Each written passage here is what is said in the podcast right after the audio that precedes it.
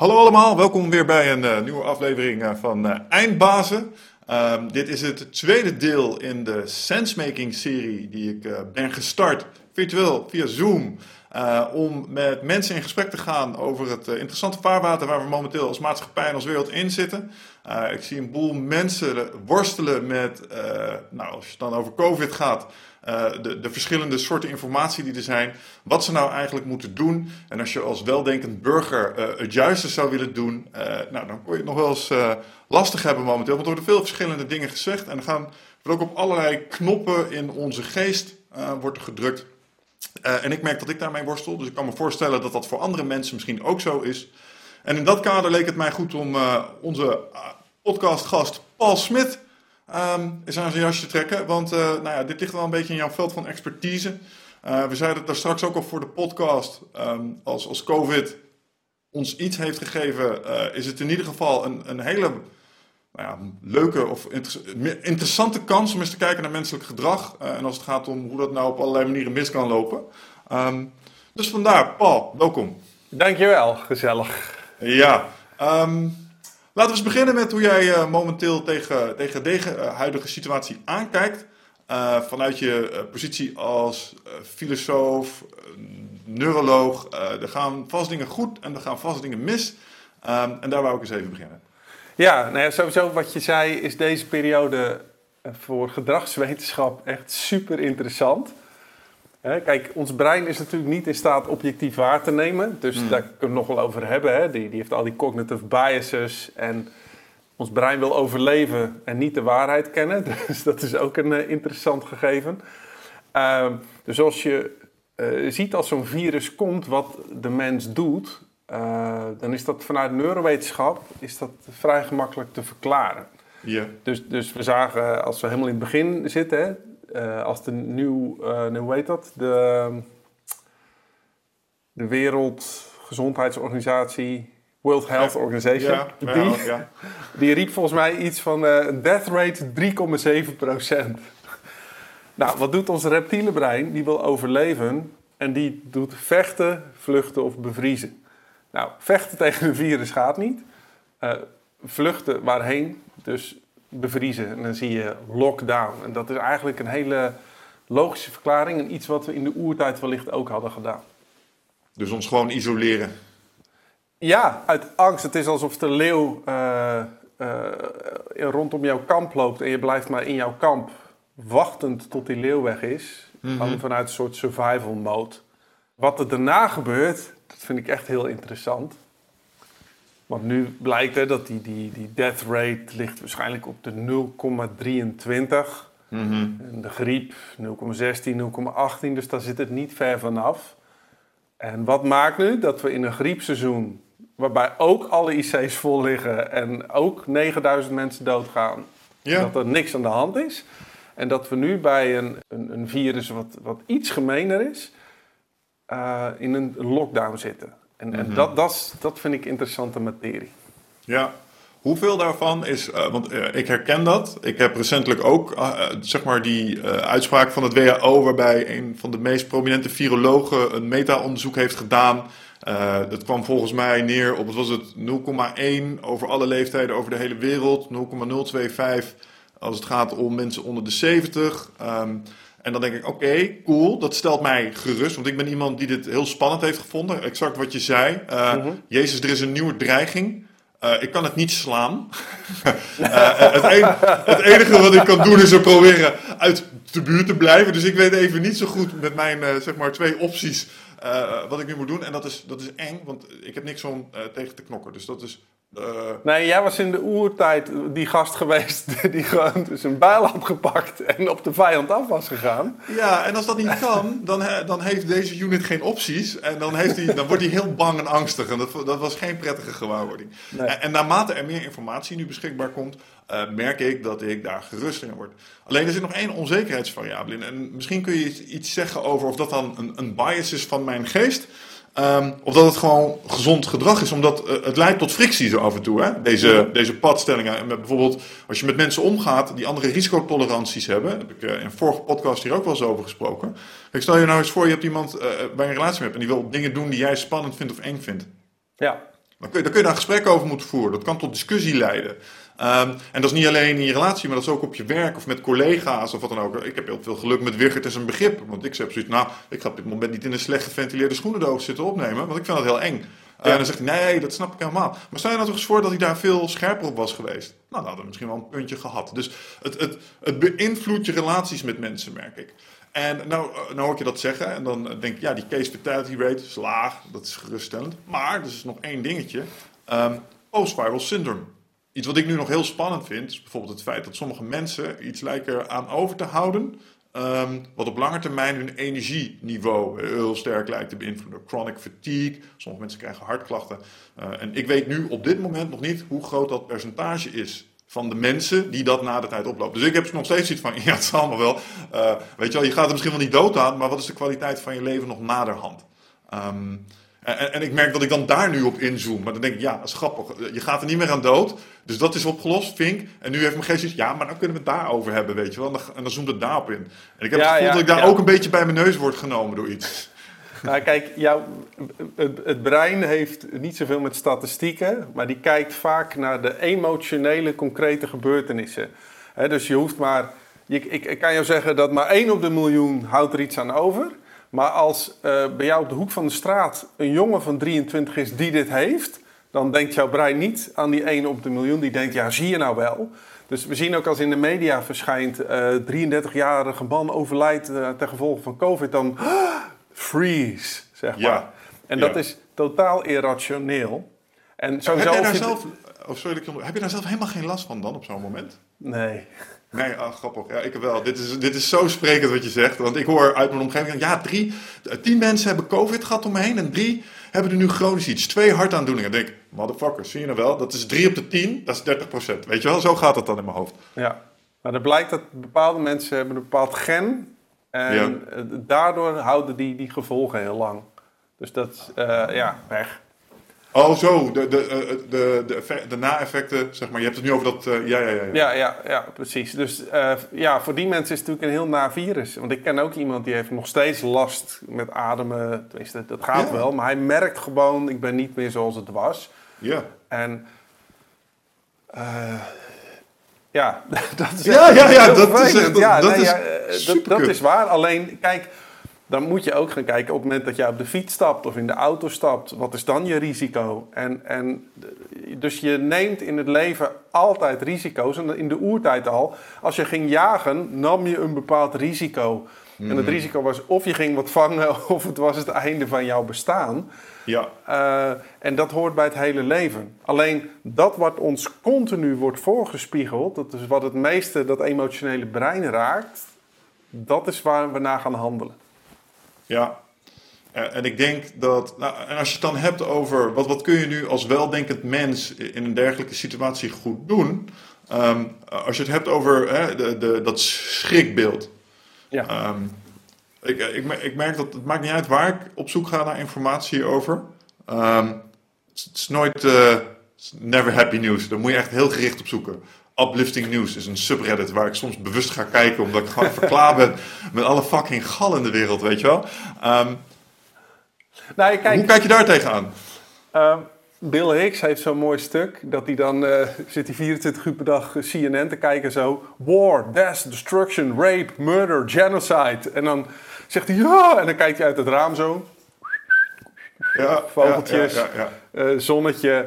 Uh, um, kijk, wat normaal is, is dat jij al het nieuws van de hele wereld niet weet. Ja, dat is hoe ons brein is geprogrammeerd. Dus van dat mhm. groepje van ongeveer 150 mensen om je heen, daar zie je wat dingen. In jouw omgeving zie je wat dingen. Maar wij namen vroeger nooit het leed van de hele wereld op ons nek. Maar omdat nu al die informatie er is en we continu daarmee worden blootgesteld, gaat dat brein natuurlijk in paniek raken. Mhm. Eh, dus ja, als jij maar iedere dag roept, weer 10.000 besmettingen. Dit brein kan niet relativeren, denken, oh ga je 10.000 op 17 miljoen, dat valt allemaal wel mee. En, mm nee, dit is het. Kijk, het is natuurlijk in dezelfde, er zijn nu zeg maar een miljoen mensen overleden uh, ten gevolge van COVID-19. Mhm. Niet door COVID-19, want ze hadden vaak al iets, en dat was het laatste setje, net als de griep doet. Maar in diezelfde tijd dat er een miljoen dood zijn, zijn er ook al 3 miljoen kinderen doodgegaan door ondervoeding. Ja? Mhm. Dus wij mensen zijn helemaal niet bezig met mensen redden, we zijn bezig met onszelf redden. En dat is, eh, dus, dus, ja, daar moeten we eerlijk in zijn. Ja, maar eh, is dat ook deel van de oplossing, denk je? Het eerlijke zijn erover, gewoon in de gaten hebben dat, hé, hey, ik heb bepaald gedrag en dat komt voort uit een bepaalde primaire angst die ik ervaar. En nu wil ik dit, dit en dit en dit en dit. Maar mijn gedrag is volgens niet meer helemaal logisch. Want dat is waar ik mezelf in zie zitten, die spagaat de hele tijd. Ja, en het begint dus eerst met bewustwording, dat je begrijpt hoe jouw systeem werkt. Want ben je niet bewust, dan zit je sowieso midden in het proces en overzie je het niet meer. En dan ga je van emotie naar emotie. En dan ga je op internet ook nog eens zoeken. En dan wordt alleen maar alles wat jij zoekt, wordt bevestigd door die confirmation bias. Ja, en dan, dan, ik heb mensen die zitten echt in blinde paniek opgesloten thuis. Ja, en, en nou oké, maar stel je zou zo'n persoon hè, die in blinde paniek thuis opgesloten, voor goede orde, ik zit niet in blinde paniek thuis opgesloten, ergens vind ik dit ook wel, ja, het heeft ook een silver lining, zeg maar. Ehm, want ik heb wel geleerd dat de reistijd die ik bijvoorbeeld eh, voor lief nam, was eigenlijk helemaal niet achteraf beschouwd zo cruciaal als ik dacht dat het was. Dus Ja. er zitten ook wel bepaalde inzichten in waarvan je, ah oké, interessant. Maar eh, ik heb nog steeds de strategie van, hey, ik hoef me niet bloot te stellen. Dus als ik de keuze kan maken om voor een groep van 15 mensen nu te staan, of 20 mensen, maar kan het ook virtueel doen, doe ik het liever virtueel nog steeds. Ehm, zodat ik dus weet van, ja, er zit nog dat bepaalde onzekerheidsprincipe in. Maar stel je toch eens voor, je bent echt nog steeds super duper angstig en je zit nu thuis. Ehm, en jij zou die persoon ehm, mogen coachen. Zeg maar, hey, als je uit wil komen, dan zou ik dit, dit, dit en dit doen. Nou, mijn vader bijvoorbeeld, hè, die heeft al negen keer bijna dood geweest. Eh, die heeft echt Oké. pacemaker, dononier, eh, alles heeft hij ongeveer gehad. Kanker Ja. overleefd. Eh, hij weet, als ik het nu krijg, is de kans dat ik met mijn immuunsysteem dit ga niet ga overleven. Nou, tegen hem zeg ik dus, ik heb voor hem zo'n ionisatiemachine gekocht. Ja. Ik denk Ja, was ja. 300 euro. Ik zeg, die haalt die aeroso- aerosolen uit de lucht. Dan kun je gewoon thuis mensen ontvangen. Kijk, buiten is het risico natuurlijk super minimaal. Mhm. Alleen, je moet niet langere tijd in een bedompte ruimte gaan zitten met veel mensen. Want als je een paar van die aerosolen binnenkrijgt, dat snapt jouw lichaam ook nog wel. Maar als jij zoals bij carnaval, kerken, apperski... urenlang blootgesteld bent aan die deeltjes... Ja, Mhm. dat is wanneer je die kans het grootste hebt. Dus bij Ja. hem zeg ik, maak de juiste beslissingen... en draag een medisch mondkapje en niet een stukje stof. Want dat werkt natuurlijk niet. Eh, en, met kans dan op een boete, wat ook idioot is, maar goed. Dus neem dan de juiste voorzorgmaatregelen.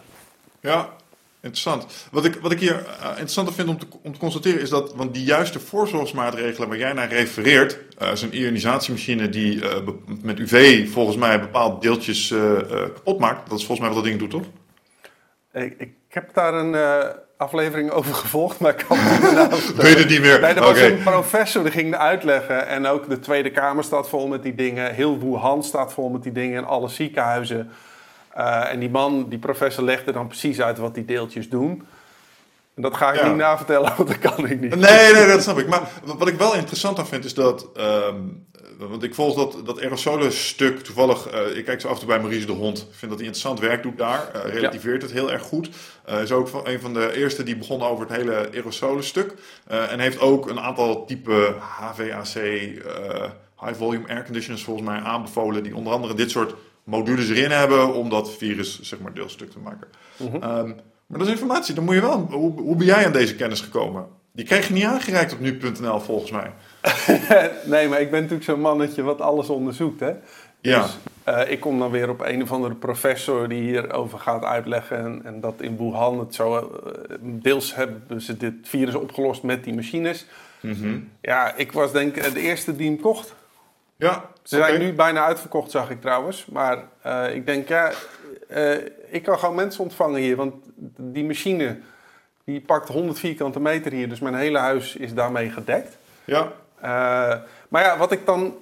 Daarin vind ik dat de politiek faalt. Dat ze, dat ze ook werken op veel vlakken vanuit een tunnelvisie... eh, confirmation bias en, en blinde vlekken hebben. Mhm. Dat als Maurice de Hond met onderzoeken komt in maart... dan moet je daar gewoon naar kijken. In een crisistijd kijk je naar alle wetenschappers die je hebt. Maar nee, RIVM. Wat blijkt nu? Uh, Merkel in Duitsland, die zegt nu ja, we moeten alles gaan ventileren. En heel Duitsland, daar geldt dat beleid ook. Zelfs de World Health Organization zegt het gaat om aerosolen. Het lijkt wel het enige kikkerlandje wat nog niet wakker is. Dat is meneer Rutte en meneer De Jonge. En die heb ik nog nooit hierover horen praten. En dan, ja, ik vind dat we dat hen mogen aanrekenen. Okay, dat vind nou, ik dat, een, dat het falen van leiderschap. Oké, dat vind ik interessant. Want dat voortschrijdend inzicht wordt niet erin meegenomen. En als je nou als individuele burger dit ziet en je denkt, dat is interessant. Kijk, dat draagt ook bij aan mijn uh, spagaat. Hè? Want ik zie mensen waarvan ik, oké, je zal niet zomaar in de Tweede Kamer terechtkomen, snap je? Um, ik, ik, ga uit van een bepaalde mate van competentie. Ik weet nog dat ik helemaal aan het begin, bewichtte ik een keer een conspiracy uh, podcast opgenomen. En toen hoorde ik mezelf letterlijk zeggen, ja, maar ik ga ervan uit dat meneer Rutte en meneer De Jonge echt het beste met mij voor hebben. Die zullen op basis van een gezonde boerenverstand daar echt wel dingen in doen waarvan je denkt, nou, uh, dat is slim om te doen. Dus uh, en, dan zie ik het tegenovergestelde gedrag nu. En dat draagt bij aan mijn gevoel van, maar wie kan ik nu nog vertrouwen dan? Hè? Want er wordt best wel een tik gegeven tegen mijn wereldbeeld. In die zin van, oké, okay, ik, ik, dacht dat ik het conspiracy denken achter me had gelaten. Van overheden, uh, zeg maar, global domination, al die dingen. nee, gelul, weet je wel. Stoner thinking. En, en nu zie ik het bijna voor mijn ogen in het echt ontvouwen. En dat doet ook iets. Dat, dat zorgt voor een bepaalde disconnect. Dat ik denk, hè, hoe kan dit nou? Want dat is niet helemaal logisch. En hoe navigeer ik nou als individuele burger die situatie? Snap je? Want dat doet ook allerlei dingen met je. Het is tweeledig. Het wil niet direct zeggen dat de overheid dit doet vanuit een kwade intentie of uh, dat daarboven grote machten zijn die hun sturen. Mm -hmm. uh, het heeft ook te maken simpelweg met de werking van hun brein. Kijk, leiders moet je altijd in de gaten houden. Um, en dat zal ik uitleggen. In de oertijd, waar wij leefden met ongeveer 150 personen in onze uh, community, mm. ontstonden leiders automatisch omdat ze volgers kregen. Dus de meest getalenteerde, meest charismatische en succesvolle werd automatisch gevolgd, want al die breintjes hadden we door. Dus ik die volg, kan ik overleven. Maar wat gebeurde er nu? Op het moment dat die leider, uh, zeg maar leider werd, kreeg hij een hogere status. Daardoor ook meer keuze uit uh, vrouwen of mannen.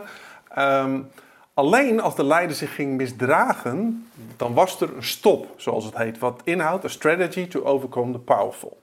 Hmm. Die leider verloor zijn macht doordat mensen simpelweg stopten de leider te volgen.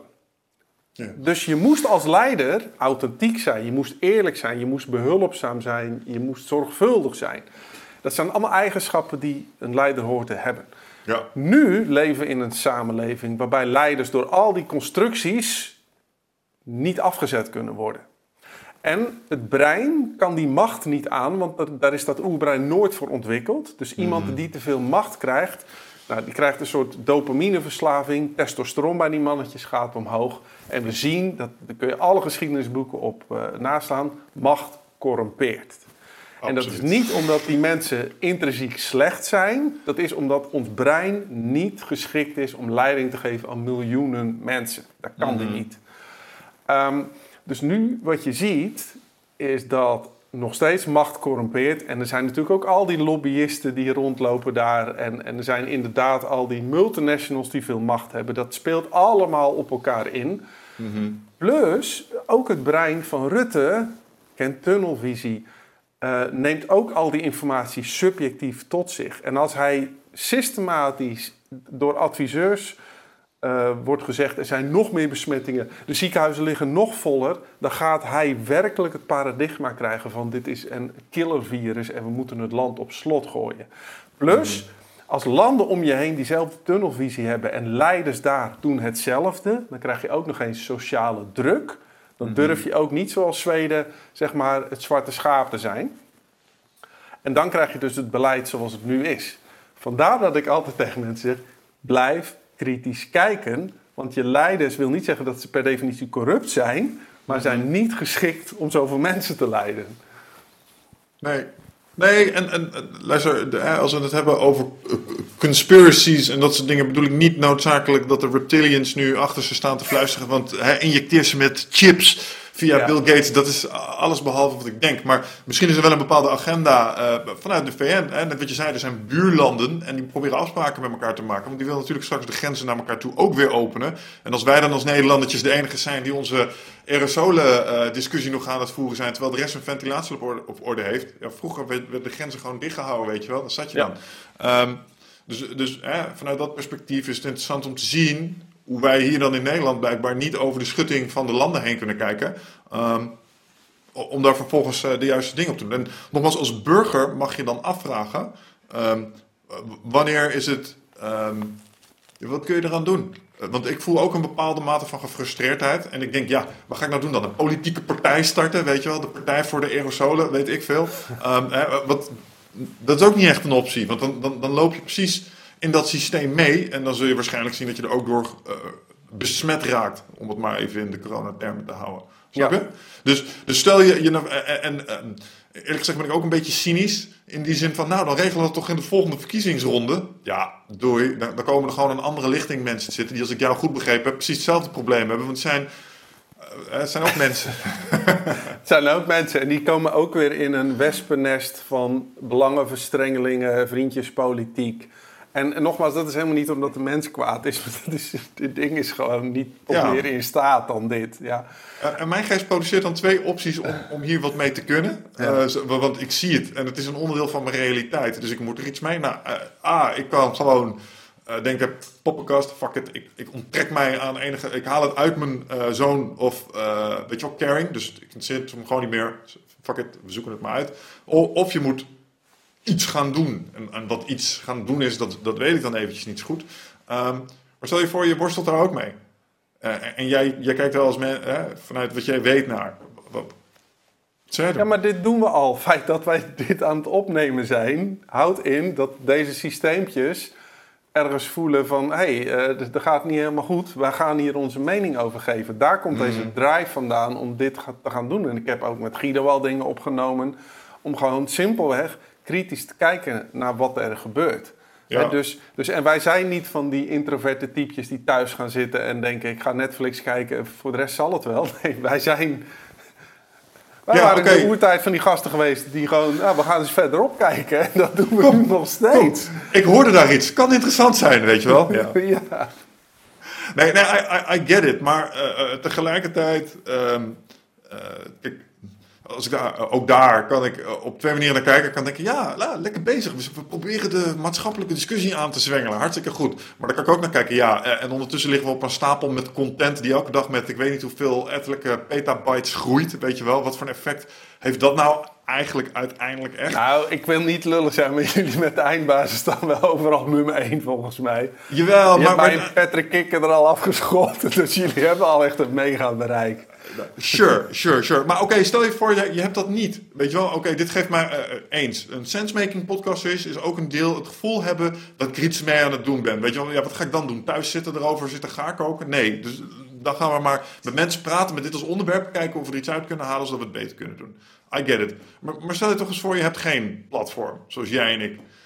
En, je kijkt hierna en je denkt, ja, fucking hell, man, dat is wel echt irritant. Ik, ik moet hier iets mee, of het doet iets met mij. Ehm, wat zou je die mensen aanbevelen?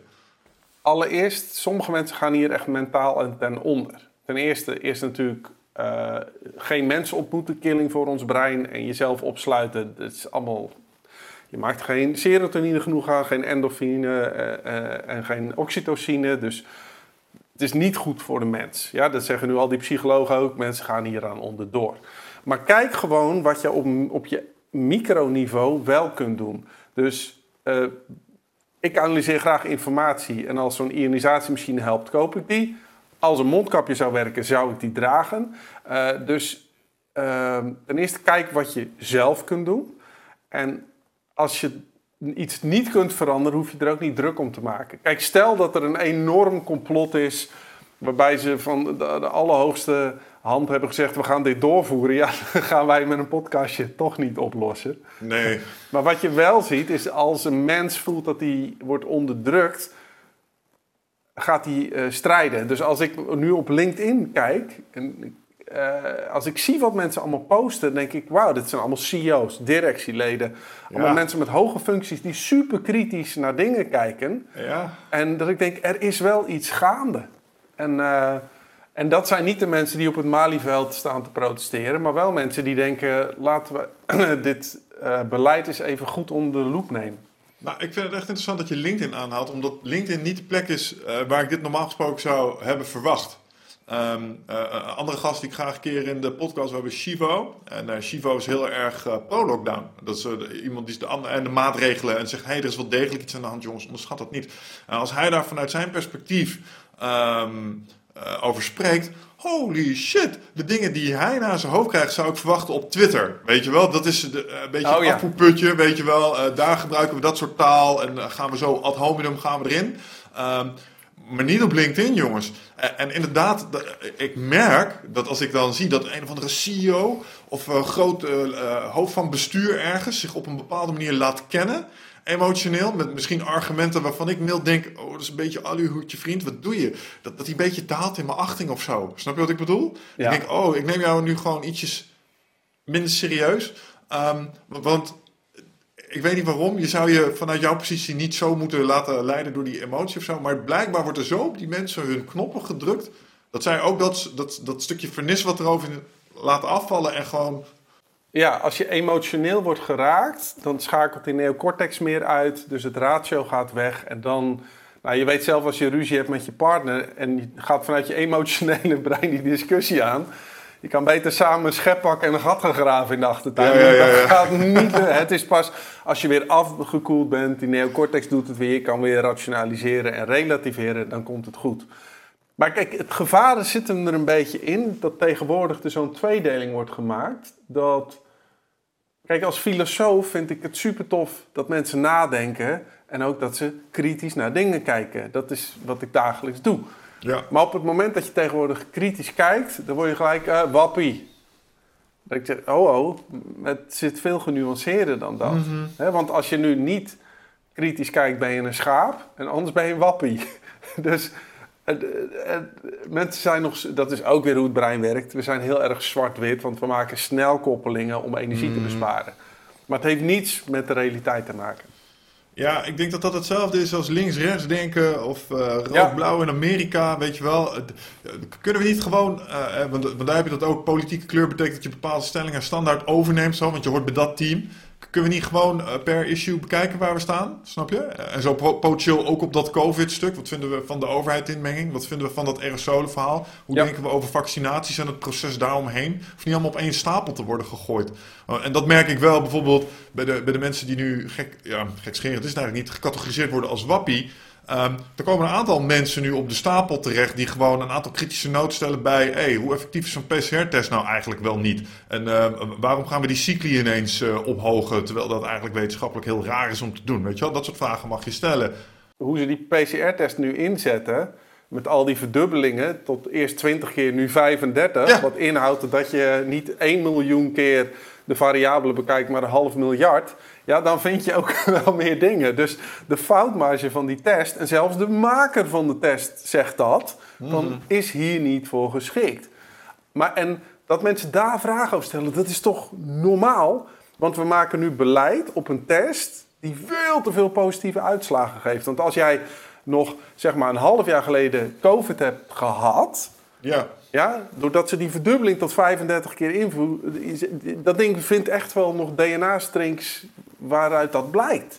Ja, de naam Dus- die, ze daar, eh, die daar, eh, ik, ik volg een gast eh, die Maurice de Hond, via Maurice de Hond leer ik, eh, eh, die zet het een keer op zijn website, eh, Ivor Cummings.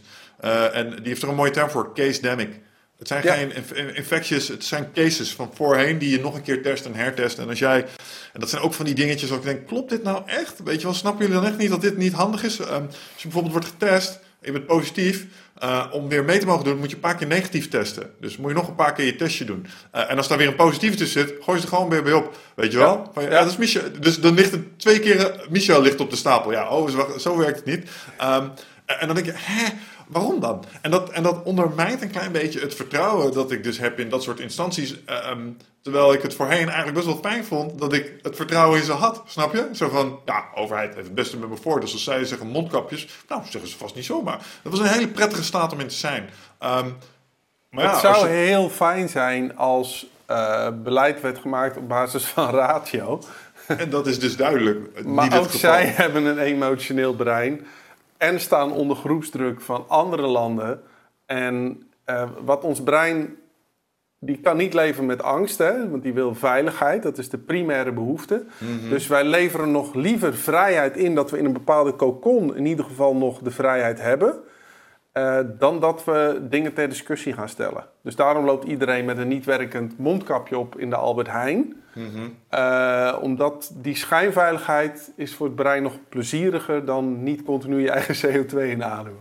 Ja, ja, ja, ja, ja, ja. interessant. Ja. Uh, en, en als, als, nou, mondkapjes zijn misschien een mooi voorbeeld, maar andere dingen momenteel ook. Hè, als je het nou hebt over dat, dat, dat teamdenken, schaap versus wappie. Stel je, uh, je, je merkt nu bij jezelf met dat je dat luistert van ja, ik, ik eh, oh, zo denk ik ook. Fucking hell. Ja, ik, ik heb ook van die. Ik kan heel boos worden nu bijvoorbeeld op uh, jongeren die toch stiekem gaan feesten. Of uh, als jij deze zomer op vakantie bent geweest, vind ik stiekem ook een champion, weet je wel? dat. en daarmee zet ik je in een bepaalde hoek, merk ik. Stel je bespeurt dat bij jezelf. Wat is dan handig om te doen? Ten eerste zit daar vaak jaloezie onder. Oh, zo. ik wil ook naar een feestje. nee, kijk dit ding wil energie besparen. Ja. Dus als ik jou Je hersenen bedoel je? Ja, je hersenen. Als, als ik jou vraag, wat vind je van Trump? Nou, wat de meeste mensen doen, die gaan jou, daarbij gaat het brein niet eerst alle informatie af van alles wat je ooit over Trump hebt gehoord. Maar je, je hebt zeg maar een ladekast waar alle informatie van Trump in zit. En op het etiket staat jouw conclusie. Mhm. Dus het is of een klootzak of een genie. Er zit vaak nooit iets tussenin. Ja.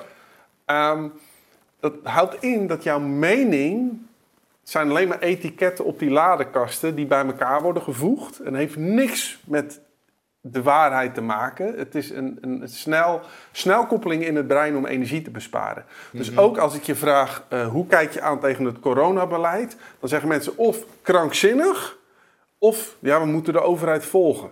Mm. Maar wat het brein niet doet, is alles eens eventjes belichten, ter discussie stellen. Dat kost natuurlijk superveel energie. Mm daar moet je een beetje gek voor zijn om dat te gaan doen. Uh, zoals ik. ja, maar, um, en als je dat doet, krijg je een heel genuanceerd beeld. En dan krijg je ook wat jij in het begin zegt. Goed, ik zie informatie van beide kanten. Er is voor alles wel wat te zeggen. Mm -hmm. Lockdown is iets voor te zeggen. Maar om ophef is iets voor te zeggen. Het gaat niet om wat goed of fout is. Het gaat erom wat de minst kwade keuze is.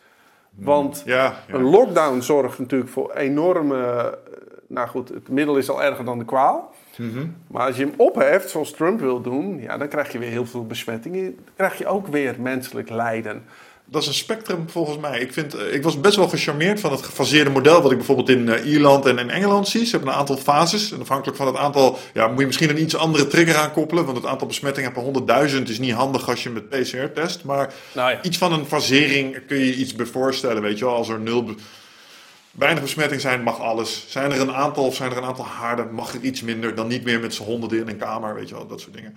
Ehm, ja, maar dan ook, heb de juiste informatie, want die anderhalve meter slaat helemaal nergens op. Nee, sure. Uh, waarom mag, mogen mensen niet buiten voetballen? Er is helemaal niks aan de hand.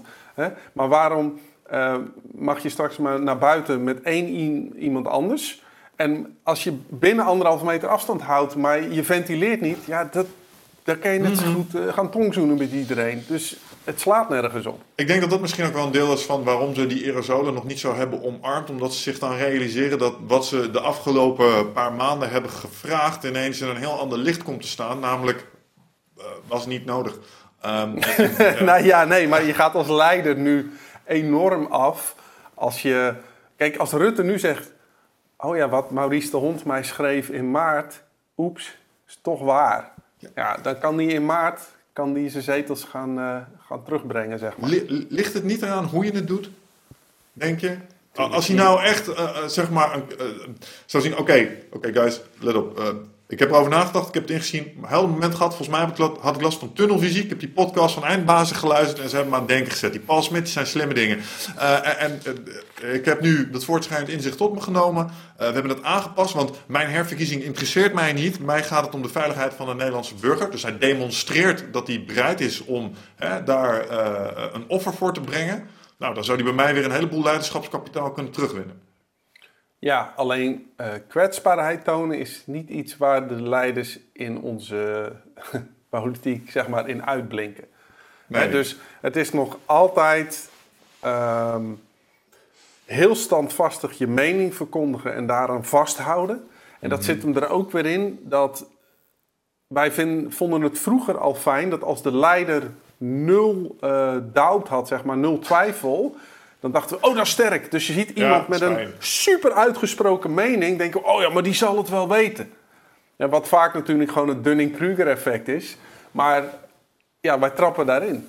Ja, ja, en dat zal toch wel een evolutionair een, doel hebben gehad. Want als ik gewoon super eerlijk ben over mijn eigen belevingswereld, vond ik super fijn de eerste persconferenties. Dat stelde mij gewoon gerust. Stond hij dan, meneer Rutte, even eh, we navigeren op, zijn slimme dingen. Ja, ja, ah, fijn, ik voel me iets beter. Ah. En dan kon ik weer even de avond door, snap je? Ehm, eh, eh, dus dat zal niet zo, dat mechanisme zal er vast niet zomaar zijn. Dus dat heeft in het verleden heeft dat iets gediend, denk ik. ja, want iemand die twijfelt, wordt gewoon als zwak gezien. Terwijl eigenlijk een wijs iemand twijfelt continu. En vaak uh, degene, ja, dus, uh, de mensen met heel weinig kennis hebben vaak heel veel vertrouwen in dat ze het juist hebben. Ja, en misschien zorgde vroeger daadkracht er ook wel voor dat, dat je daadwerkelijk iets ging doen. In, in plaats van. Kijk, in sommige situaties, vooral vroeger, waren er best wel wat Praktische situaties die snel uh, ingrijpen. Grizzlybeer in je kamp. Ja, moet je niet gaan lopen soebatten over is het wel een grizzlybeer? Uh, Zijn er nog wel genoeg in de omgeving? Nee, dan moet je stok pakken en beginnen met porren, weet je wel. Ja. Dus uh, ik denk dat dat misschien ook wel is waarom we dat. Uh, nou, stel dat, dat, dat ik jou zou volgen, we gingen op jacht. En we zagen een hert en dat je, ja, even denken, ja, zal ik dan linksom hem pakken of zal ik het met een speer doen? Of wat denk jij? Weet je wel, nee, ik wil gewoon een leider zien die gewoon bam, erop afgaat en dat ik denk, yes! Alles dus- over Michel in leidersgevende posities. Ik zou, ja, ik zou, jij zou mij niet volgen, hè? ik zou jou voor opsturen. Zo ga, jij maar eerst. Kijken we even wat dat eh, schip brengt, ja, of dat schip Mooi.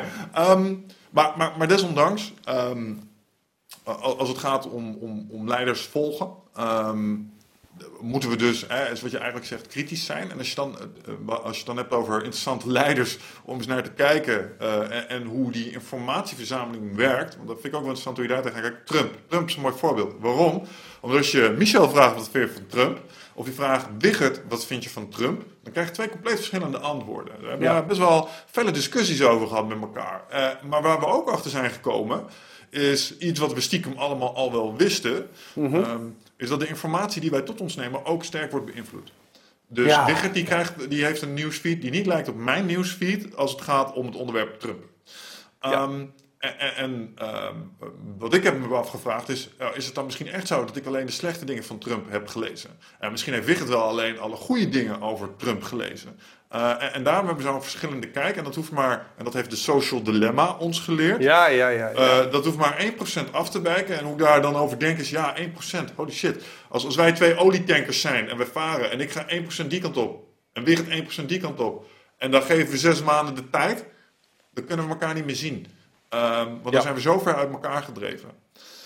Ja, dit is natuurlijk, in Social Dilemma leggen ze dat mooi uit, hè? hoe dat algoritme ziet. Oh, jij kijkt een filmpje over. Uh, een vriend van mij zei uh, een jaar geleden van. Ja, eh, de aarde is plat.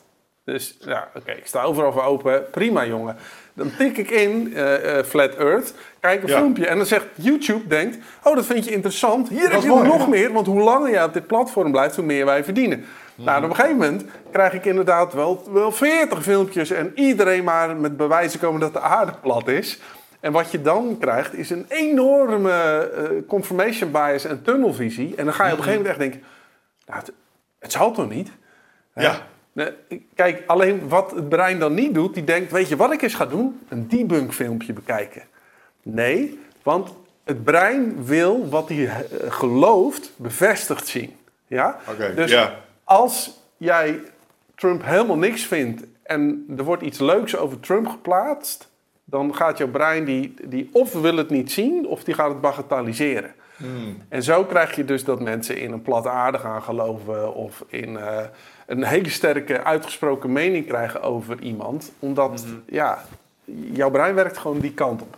Ja, ja, interessant. Nou, ik heb dat laatste keer ondervonden. Ik kwam. Uh in een uh, ochtendje sensemaking noem ik dan. Dan mag ik even snuffelen van mezelf uh, in de onderwerpen die op dat moment spelen. En dan kijk ik even op bij Maurice en even bij Geen Stijl en even wat. En daar kwam ik iemand tegen van een of andere videoblog, De Oorlog Reeds Verloren. En die hadden een, een, een sub onderwerp het Bureau van Occulte Zaken en Samenzweringen. Ik dacht, oh, dat is lekker voor een zondagochtend, weet je wel. Heerlijk, heerlijk ja, lekker smullen. Even kijken waar die mensen het... Ja, fijn. Dat, dat consumeer ik zoals ik een, uh, een, een Harry Potter film kijk, weet je oh, wel. Ja. Um, dus even kijken wat die mensen denken. Um, maar daar zat ik dus naar te kijken. En vervolgens, uh, en dat gaat over satanisme en uh, over uh, occulte betekenis van allerlei dingen. En ons koningshuis hoort tot de zwarte adel. En dat is een groep mensen die aanbidden een of andere duivelsgod en zo. En dan zit je er te kijken en denk je, ah, oké, interessant. En dan ga je daarna naar YouTube. Ja, ja, ja, ja, ja. oh mijn god. Die thumbnails alleen al. Ik dacht, oh shit, hoe kom ik hier vanaf? Um, maar, maar Bohemian toch... Grove en zo krijg oh, je dan ja. en al dat soort dingen, ja. Ja, nou, dat, dat is dan nog wel weer een onderwerpje op zich. Laatst was Alex Jones weer bij Joe. Uh, de eerste keer bij, bij, Spotify. En daar ging het daar ook weer over. Um, ja, ik kon het niet meer volgen. Die gasten lullen zoveel door elkaar heen. En die Alex Jones, dat is natuurlijk, heeft zo'n database opgebouwd met alle conspiracy feiten. Ik dacht op een gegeven moment, ik word gek man. Nou, wat Alex Jones is misschien wel een, eh, de belichaming van, uh, van de chaos van informatie die er in dat opzicht is. Uh, want, dat laat gewoon zien hoe fucking. die gast zit aan alle kanten van het spectrum. Als het gaat om dit bijvoorbeeld. Ja, nee, uh, 100% waar dat de duivels aanbiddende elite is. zo, zo. Maar clean call is ook een ding, weet je wel. Hè? En da daar had Trump dan toch wel weer gelijk in. Ik snap het allemaal niet meer. Um, maar hè, als je dan bijvoorbeeld kijk naar die onderwerpen, als burger zijnde, wat moet je nou doen? Even terug naar hè, hoe navigeer je deze gekke periode? Stel je luistert naar Alex Jones en vervolgens luister je naar iemand anders. Uh, en ze zeggen allemaal verschillende dingen. Um, hoe middel jij jezelf uit? Nou, uh, hou het bij een zondagochtendje kijken. Ja, dat sowieso. Want, want je, krijgt, je wordt helemaal meegesleurd door die algoritmes. Dat je, je continu maar alle corruptie ter wereld eh, naar je hoofd geslingerd krijgt. En daar hoef je helemaal niet te doen. Dat was in de oertijd, wist je dat allemaal niet. Tuurlijk, macht corrumpeert. Maar ik hoef niet van ieder bedrijf te weten welke spelletjes en, en wie is omgekocht. En, maar als jij heel de dag daarin zit, dan word je een soort Jensen die helemaal verbitterd is en, en schreeuwend uh, gewoon afgelopen. En, en, maar doe jezelf dat niet aan. Ik, bedoel, ik, ik hou van kritisch kijken, hè? Maar als je helemaal in die trechten wordt gezogen, dan, dan word je volgens mij, net als die Alex Jones, ook zo verzuurd op een gegeven moment. Ja, dat denk ik ook wel. Als je te lang in de afgrond staart, dan staart hij terug. Uh, en dat doet iets met je, denk ik. Maar tegelijkertijd, Jensen vond ik ook interessant. Want ik had helemaal niet in de gaten waar die gast uh, mee bezig was. Totdat ik laatst eens een keer die kleurige thumbnails van hem à la Alex Jones voorbij zag komen. Ja, ja, ja, ja. Wat ben je aan het doen? Weet je wel, wat is dit? Uh, en heel eerlijk, ik verdenk die mensen dan stiekem ook wel een klein beetje van weten dat dit gewoon scoort. Dat, dat ze een bepaalde doelgroep aanboren en dat dit een stijl is die daar. Nou, wat, maar, misschien zit ik ernaast, hè, maar ik denk dan altijd: ja, ja, je, appelleert nu wel heel sterk. Oh, nu ga je nog t-shirtjes verkopen ook, weet je wel. Ja, I get it. I see what you're doing here. je bent AdSense-inkomsten eh, aan het genereren hier. Ehm, en, en, dan vraag ik me af of je nog wel echt zo denkt over de dingen die je denkt, of dat je gewoon weet dat je nu iets aan het zeggen bent zoals ik sommige politici ook wel van verdenk, uh, die gewoon goed scoren. Nou, je, je, bouwt op een gegeven moment een bepaald imago op waar je uh, volgers mee krijgt. En uh, als je daarmee gaat identificeren, dan is het natuurlijk heel lekker om vanuit die doelgroep een bepaalde status te krijgen. Mm -hmm. En daar gaat vervolgens je brein zich weer naar gedragen. En die weet op een gegeven moment oh, als ik dit een beetje uitvergroot, dat doen spirituele mensen ook. Die gaan op een podium staan, krijgen volgers en die merken, oh, als ik het een beetje zo vertel, dan uh, komen er nog meer mensen. En uiteindelijk uh, krijg je allemaal uh, rare dingen soms. Zit jij vaak in je hoofd neem je heel veel informatie tot je, video's, podcasts, boeken. nou, voel je niet schuldig, dat doen heel veel mensen natuurlijk. maar vaak zijn we op zoek naar antwoorden. Ehm, gaan we nog meer informatie tot ons nemen, terwijl ja, de antwoorden liggen toch echt in onszelf. En dat is iets wat we voelen met ons lichaam. Maar vaak zijn we zo erg in ons hoofd bezig ja, dat we dat ook niet meer, dat we daar niet meer echt goed bij kunnen. En dat is graag waar ik je voor uit wil nodigen. Voor Ride of Passage. 24, 25 en 26 mei is er weer een nieuwe editie. Voor mijn retreat voor persoonlijke ontwikkeling. Waarbij het thema echt is om uit het hoofd te komen in dat lichaam. Want dat is waar je alles ervaart. En ik wil dat je gewoon weer in contact komt met, met die, die intuïtie. Um, en dan gewoon een heel sterk uh, innerlijk kompas. Dat je gewoon weer weet waar je naartoe moet, wat je te doen staat. En dat je gewoon weer helderheid hebt over wat je wilt en hoe dat je dat gaat doen. En dat doen we middels uh, bio-energetische oefeningen, dynamische meditaties, een stuk shamanisme zit erin. Het enige wat er bekend is van het programma is dat er een zweethut in zit. Uh, en natuurlijk gewoon hands-on persoonlijk leiderschap. En dit retreat krijgt een 9,2 gemiddelde van meer dan 331 deelnemers. Daar ben ik ontzettend trots op. Sterker nog, er is ook een money back guarantee. Vind je niks na drie dagen, krijg je gewoon je geld terug. Dus het enige risico dat je loopt, is dat je gelukkiger wordt. Klinkt dit als iets voor jou en durf je het aan? Dan zie ik je op Ride of Passage. Ga naar wichertmeerman.nl en klik op Retreat. Ja, wat ik interessant vind aan Jens in dat opzicht, als je het zo bekijkt, want hij is behoorlijk anti-overheid. En, en je zegt nu, dan krijgt hij zijn eigen volging. Dus hij wordt een beetje een, een leider, zeg maar. In, uh, en die zet zich af tegen leiders, maar daardoor wordt hij zelf ook een beetje een leider. En, en komt hij misschien ook wel in hetzelfde gedrag, waar die de leiders die hij bekritiseert, uh, krijgt hij diezelfde valkuilen krijgt hij voor de voeten. Ja, dus de, de kunst is om niet verbitterd te raken. Kijk, Lubach begeeft zich daar een beetje tussenin. Hè? Kijk, als je naar zijn programma kijkt, dat, ik vind het een heel goed programma trouwens, dat wordt met heel veel humor gemaakt. Mhm. Dus wij lachen om corruptie, dat is wat we doen. Hè? Want hij, uh, hij, hij komt ook, bij ieder eh, item komt het erop neer dat macht corrumpeert. Ja. Uh, alleen op het moment dat je dat nog met wat humor doet en het weglacht, dan, dan, hebben we, dan vinden we het nog leuk ook. Maar uh, en... Het gekke van Lubach vind ik dan weer dat hij zijn hele programma bouwt op kritisch kijken naar corruptie. Mhm. Maar als andere mensen dat dan doen, dat hij ze daarop aanvalt. Terwijl ik denk, hey, ze doen in principe hetzelfde als jij. Wellicht hebben ze zich meer ingegraven in een, uh, een tunnelvisie, dat zou kunnen. Maar ik vond het niet zo. Uh, ik vond het. Uh, je refereert naar Lange Frans, het feit dat hij. Ja, en kijk, mijn mening is: kijk, die Lange Frans gaat heel ver. Alleen in een open democratie mag je alles benoemen. we ja. moeten, dus, en als jij vindt dat uh, de elite satanisten zijn, weet ik, prima. En als je gelooft in graancirkels, het is prima. Alleen ja, om dat nu weg te censureren, ik denk ook niet dat YouTube daar goed aan doet. Maar ik denk niet dat dat het idee was, want ik heb die stukjes volgens mij ook gezien. En dat was meer iemand, heel eerlijk, het is ook wel een beetje extreem wat je daar denkt, Lange Frans. Uh, uh, en uh, mensen, dat is makkelijk scoren, komisch gezien, snap je? Daar kun je leuke grapjes over maken, want dat iedereen, hè. En ik denk dat dat ook, ja, volgens mij is dat gewoon een lach ontlokken geweest. Ik weet het niet. Ik kan me niet voorstellen dat de bedoeling was om die gasten te cancelen. Iets wat ik sowieso belachelijk vind. Want ik vind inderdaad dat je alles moet kunnen bespreken. en, en, en ook alles moet kunnen zeggen. Ja. Um, maar tegelijkertijd hebben we ook op sommige momenten, en dit heb ik ook wel eens met Wigget besproken, uh, sommige dingen mag je echt niet zeggen. Je mag de holocaust bijvoorbeeld niet ontkennen. Snap je? En dat, en dat snap ik helemaal. En dat is volkomen terecht dat dat niet kan. Um, maar, maar, wat doe je dan als je, als je op een gegeven moment denkt dat mensen dingen aan het zeggen zijn? Want de reden dat je de holocaust niet ontkennen, omdat het leed ontkent en daar vloeit allerlei schade uit voort. Dus op een gegeven moment moet je ook afvragen, ja, wat, waar ligt dan die grens aan? Waar gaat het van dat stuk naar. Uh, en dat bij mij ligt, uh, daar heb ik het met Guido vaak over, de grens ligt bij geweld. Geweld. Dus voor mij mag iedereen alles zeggen. Want bij sommigen mag je al geen spotprint maken van een profeet, zeg maar. Mm. dus, dus waar leggen we dan die grens? Ja, laten we die nergens leggen, behalve bij geweld. Ja, oké. En wat nou als. Want waar ik van schrok in dat kader, hè, in, in die hoek van denken. Um, dus, dus, dus er is een hele lichting mensen die echt oprecht denken dat dit een of andere satanistische plooi is.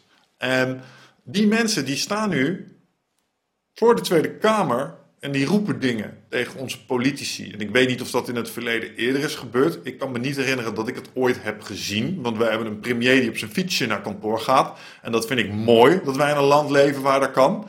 Maar dat staat, dat staat nu wel onder druk. Omdat nu mensen ineens, wacht maar, uh, dit komt wel goed. Landsverrader, vieze satanist, we weten waar je woont. Weet je wel, dat soort dingen. En dan denk ik, oké, moeten we nou echt nog brandstof op dat specifieke vuur gaan gooien? Of moeten we dan ook een beetje gaan vanuit kritisch denken naar gaan kijken, maar wat zeg je nou eigenlijk echt daar? En, wat, is dat wel verantwoord om te doen? En ik weet niet wat het antwoord daarop is, maar misschien vind jij er iets van. Mij mogen die mensen denken wat ze willen, maar wat je nu wel ziet, en daar had Lubach dan wel weer een punt in zijn programma, dat door al die algoritmes. Uh, ten eerste kom je in zo'n uh, uh, tunnelvisie terecht. Ten tweede, als jij je omringt met allemaal mensen die ook zo denken, ja, mm -hmm. dan krijg je ook groupthink.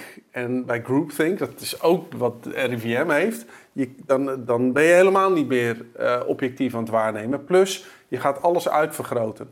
En wat mm -hmm. ons brein ook doet, is altijd connecting the dots. Dus zag jij in de oertijd een aap een boom inklimmen en een hert wegrennen, dan was connecting the dots, dan zal er wel een tijger zijn die ze achterna zit.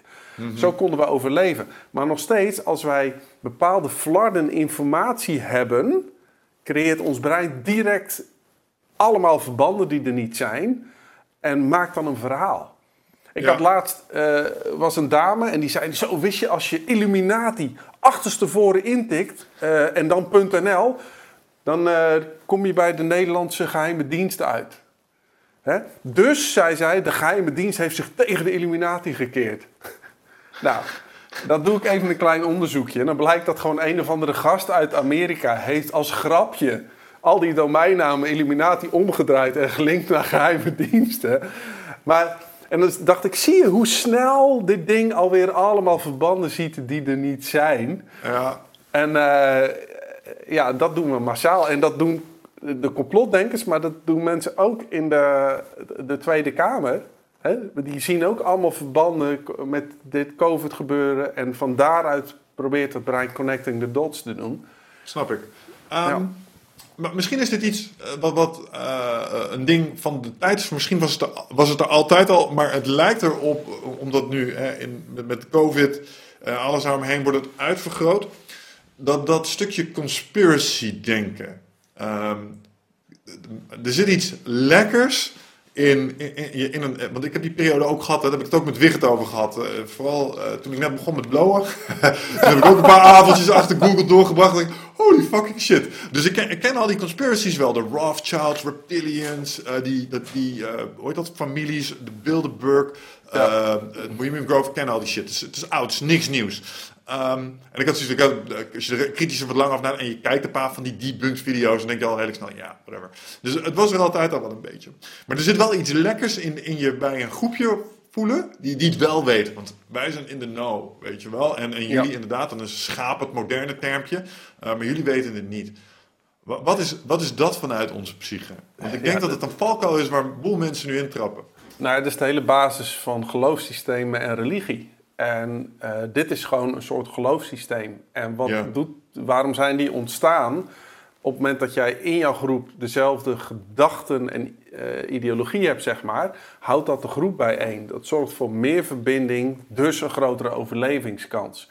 En dat doen we nu nog steeds. Dus religies, uh, complottheorieën, filosofieën hebben niks met de waarheid te maken, maar zijn verzameling ideeën die de groep bij elkaar houden.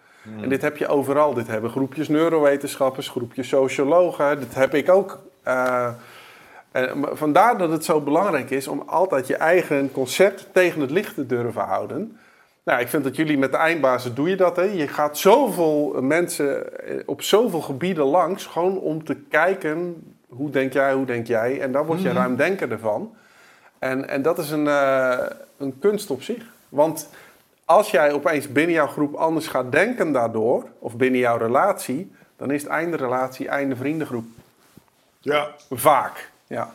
Ja, nou, hey, als iemand die uh, mensen heeft zien komen en gaan in zijn leven, omdat ik merkte dat ik op andere frequenties, klinkt een beetje zweverig dit, maar uh, met andere thema's bezig begon te gaan en uh, bepaalde stationnetjes passeerde in mijn leven, merk je inderdaad dat je, dat je anders gaat denken. En als dat niet meer klikt met elkaar, dat resoneert niet meer, dan, dan ga je vaak elkaars ieders weg. En dat is misschien ook wel het hele gevaarlijke momenteel. Want Wicht en ik zijn echt broertjes. Dus wij kunnen overal over praten met elkaar. We mogen verschillende meningen hebben. En we hebben uh, sterke band met elkaar. Maar stel je nou toch eens voor dat die band er nu niet zou zijn. Dan had dit heilige vaarwater ons maar zo uit elkaar kunnen drijven. Snap je? Uh, en, en, en, een groot issue kunnen zijn in, in onze relatie. Hetzelfde geldt voor mijn romantische relaties of uh, bijvoorbeeld andere zakelijke verbindenissen. Dus het ontwricht echt ontzettend.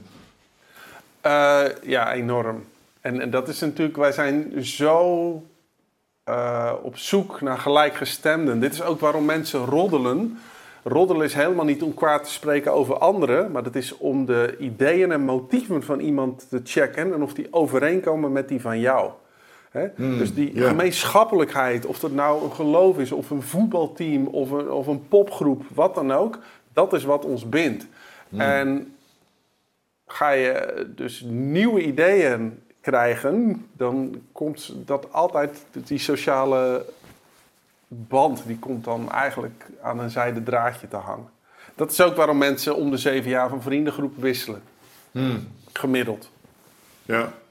ja, ik ben echt blij. Ik heb uh, echt vrienden die ik van 20 tot 30 jaar geleden nog ken. En die zie ik nog steeds regelmatig. Maar ook daar merk ik in mijn uh, echt mijn, mijn day one uh, groepjes, zeg maar.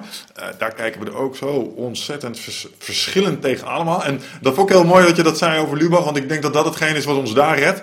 De, de ongelooflijk harde spot die we ermee drijven. Ja. Um, we, we, lachen erom. En, en de, mijn grootste angst is altijd dat mensen ooit eens een keer zouden kunnen zien wat ongelooflijk foute, ongepaste grappen we daar maken. Maar het, we, we, hebben het. Een, dat zou in dit politiek correcte tijdperk niet goed zijn voor mij. Nee, nee, nee, ja, precies maar, maar, maar tegelijkertijd, um, het is wel een copingmechanisme. En daar, soms zie ik dingen voorbij komen en dan lach ik echt zo fucking hard. En dan ziet de wereld er weer even goed uit. En dan kan de een vinden dat het allemaal maar gelul is. En de andere die kan uh, de, de, meest ultieme hypochonder zijn. Maar we vinden elkaar weer in dat lachen erop. Ja, ja humor bevrijdt daarin. Hè? Dat zorgt even weer voor die ontspanning. Dus ik denk... Uh, ja, neem, ik neem sowieso het hele leven niet al te serieus. En ook jezelf niet en ook je ideeën niet. En dat werkte heel bevrijdend. Het is allemaal maar vluchtig, ja. Het is allemaal vluchtig. En uh, dat mensen zo hard hun stellingen verdedigen is best raar. Want als je over tien jaar terugkijkt over, op hoe je nu leefde en dacht... dan denk je, ach god, toen dacht dat mannetje nog zo. Ach ja, moet je ons kijken tien jaar geleden. Want dat, was een totaal ander wereldbeeld wat ik had. En, en, dus ja. ja, ik heb daar denk ik nog het geluk oh, dat ik dat... Um Wicht en ik kennen elkaar van een heel groot vechtsportforum, mixfight.nl. En uh, dat, dat heeft echt tientallen, nou, tientallen jaren, ja, het bestaat inmiddels tientallen jaren. Maar uh, dat, heeft, dat houdt je geschiedenis vast. Want wij kwamen daar dagelijks. en dan, dan kan je, ik denk dat je zelfs nu nog wel kunt vinden, sommige discussies, toen der tijd, 15 jaar geleden, over politiek. En, en dan lees ik, soms doe ik dat, dan kijk ik even terug hoe ik toen dacht. En denk, oh, Oh jee. en, en, de, en de hoeveelheid tijd en energie die daarin ging zitten, jongen, daar was je echt druk mee. Ik heb soms essays geschreven, was ik twee dagen zoet mee. Dat is twee, jaar die, of twee dagen die ik nooit meer terugkrijg, weet je wel. Ja, um, en denk ik nu nog hetzelfde erover? Nee.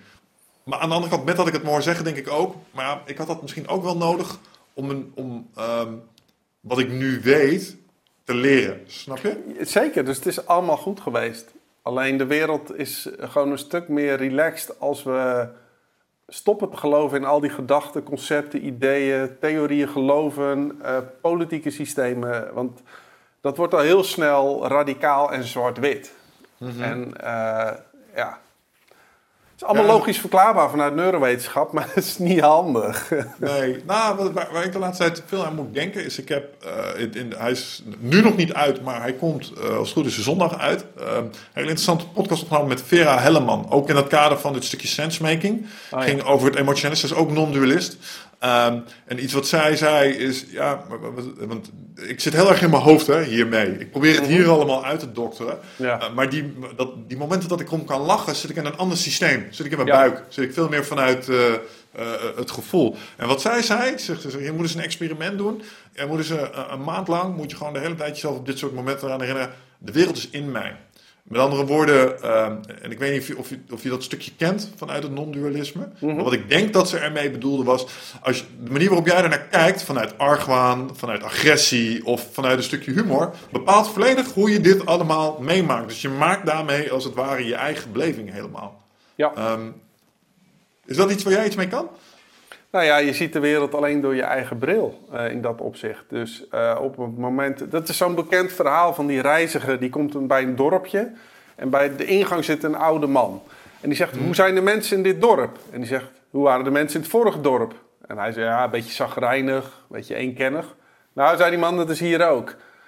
De volgende dag komt er een andere reiziger. En die stelt dezelfde vraag aan die man. En die man zegt: Hoe was het vorige dorp? Nou, leuke, spontane, vrolijke mensen. Nou, dat is hier ook. Hè. Dus wat daarmee gezegd natuurlijk, dus het, het paradigma waarmee jij naar de wereld kijkt en naar mensen, is wat je ziet. Dat is de selectieve perceptie in ons. En ehm, kijk, het lastige is met intellectuele mensen als jij, het is handig dat je het hebt, maar het is ook je valkuil. Want jij kan over alles onbeperkt na gaan denken. Aha. Wat inhoudt dat jouw brein in de beta-staat staat. Eh, en in die beta-staat ben je continu aan het denken. Alleen daar zit niet je creativiteit en geen ontspanning. Als je namelijk ontspant en, en lacht, kom je in de alfa-staat. Nou, in de alfa-staat voel je al veel meer rustig. En als je dan richting de theta-staat gaat, kom je in die staat van flow. Nou, en dan weten we allemaal, dan is je zelfbewustzijn staat uit, dat gepieker staat uit en dan is het leven prachtig. Ja. En daarom zoeken we die momenten ook op. Hè? Door uit een vliegtuig te springen, of door een sport te beoefenen, of te seksen, dat soort dingen. Eh, of douchen is helemaal goed voor die theta-staat.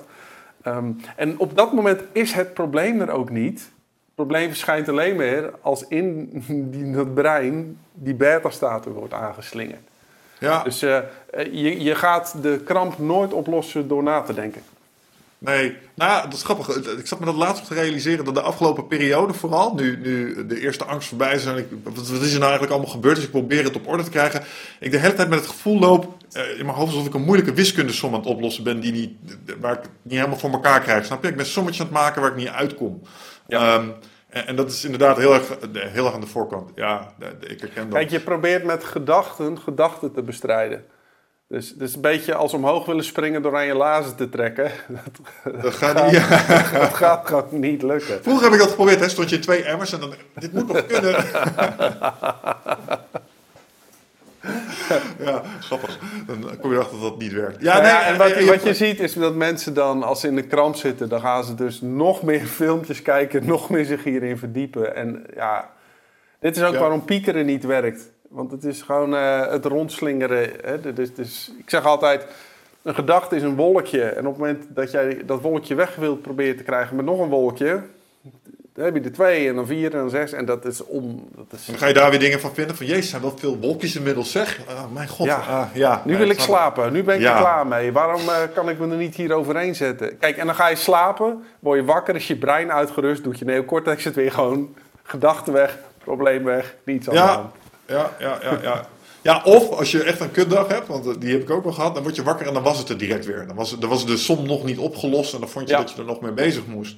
En uh, in dat opzicht eh, heb je natuurlijk helemaal gelijk in dat het denken is niet de counter voor, voor het probleem. En ik merk ook, eh, want ik, ehm, ik heb het probleem behoorlijk opgelost, vind ik zelf. En er waren twee dingen behoorlijk doorslaggevend in. En de eerste was gewoon beweging.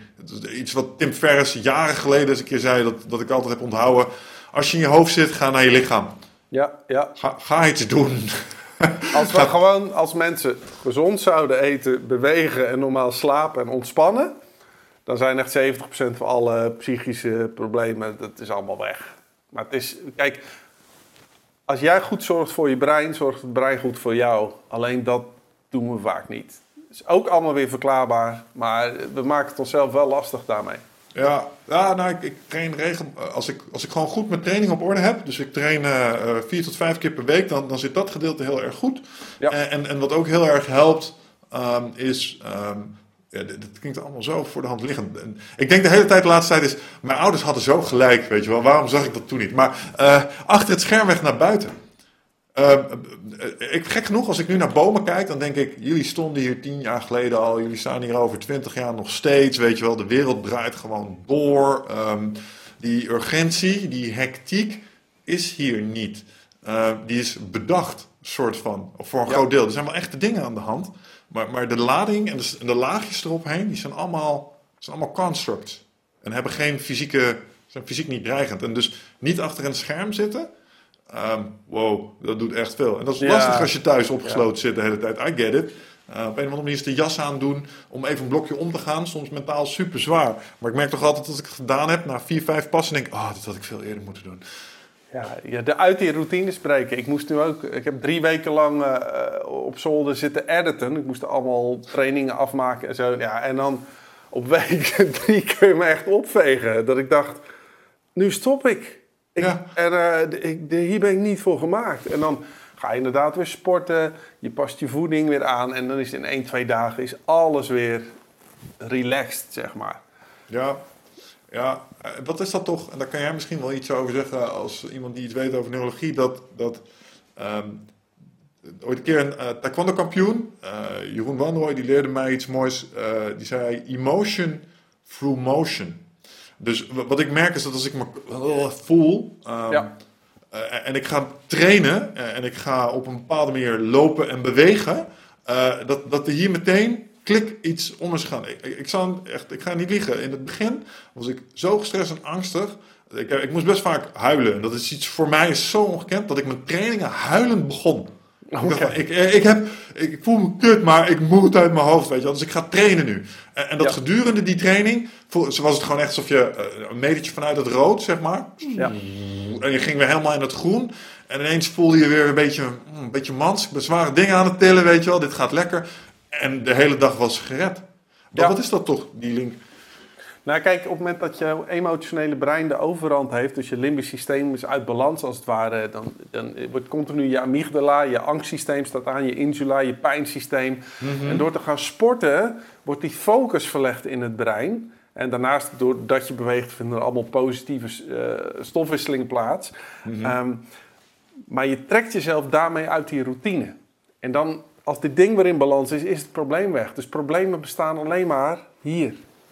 Niet in de werkelijke wereld. Het is alleen onze projectie daarop.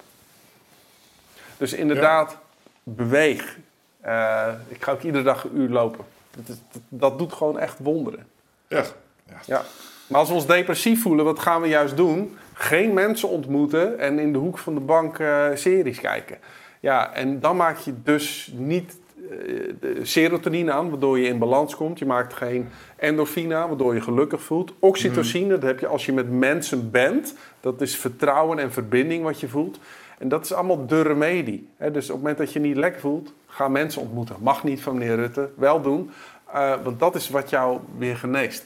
In hoeverre denk je trouwens in dat, in dat opzicht, hè, ehm, mensen ontmoeten, werkt dit, al zou het maar voor de helft werken, werkt het via op deze manier ook? Want ik merk, ik zie jou, ik vind dat leuk, dus er gaan wel bepaalde beloningsmechanismes af. We hebben prikkelende materie. Ik zat weer eens even niet naar een scherm te kijken, ik ben in een dialoog, dus dat doet allerlei goede dingen. Heeft dit Ja. ook een effect, denk je, in dat opzicht? Eh, ja, Eh, alleen minder dan Ja, wanneer we elkaar echt ontmoeten. Dus ik zeg bij het bedrijf ook altijd: eh, stop met al die, die B- of CC-mails en, en dat WhatsAppen. Informatie mag je versturen via WhatsApp of eh, e-mail. Dus als jij zegt: hier is de Zoom-link of hoe laat zullen we afspreken, prima. Maar bij alles waar een, enigszins een emotie komt kijken, bellen. Ja. Of bij alles waar jij samen een oplossing moet bedenken of iets creatiefs, bellen. En het liefst nog video bellen, dat je in ieder geval non-verbaal elkaar kunt lezen. Ja, ik heb een oude baas, eh, Bert van Gerben, en die zei dat bellen is altijd beter. En dat zit ook in mijn training tegenwoordig. Ik zeg, ja, mails om te informeren, niet om te communiceren. Bellen is altijd beter. Want Ja. ik, ik heb daar zelf ook een voorbeeld van dat ik een keer eh, een e-mail kreeg van een projectleider. Eh, en daar stonden dingen in waar je niet vrolijk van werd. eh, zoals in gebrekenstelling en zo. En denk je, ah, en, en ik was kwaad, jongen. En net dat ik hem krijg, ja, dat doe je wel, stuur je de mail, dan doe je een bege- een begeleidend belletje erbij. En ik was denk ik een 8 op de, op de schaal van Michel, zeg maar, in termen van pissig. En, en, en ik pak hem op. En ken je dat? Dat is iemand, eh, voordat hij iets zegt, op een bepaalde manier ademt, dat je kan horen dat hij zit te lachen. Weet je Ja. wel? Zo. Eh, Je zal wel boos zijn of niet. Vijf woorden en mijn Ja. woedemetertje liep echt helemaal terug, omdat ik... Oh, hij dit is een move van hem. En het is, valt volgens mij allemaal wel mee. En uh, hij is niet laaiend op mij. Zeker nog, hij kan er om lachen.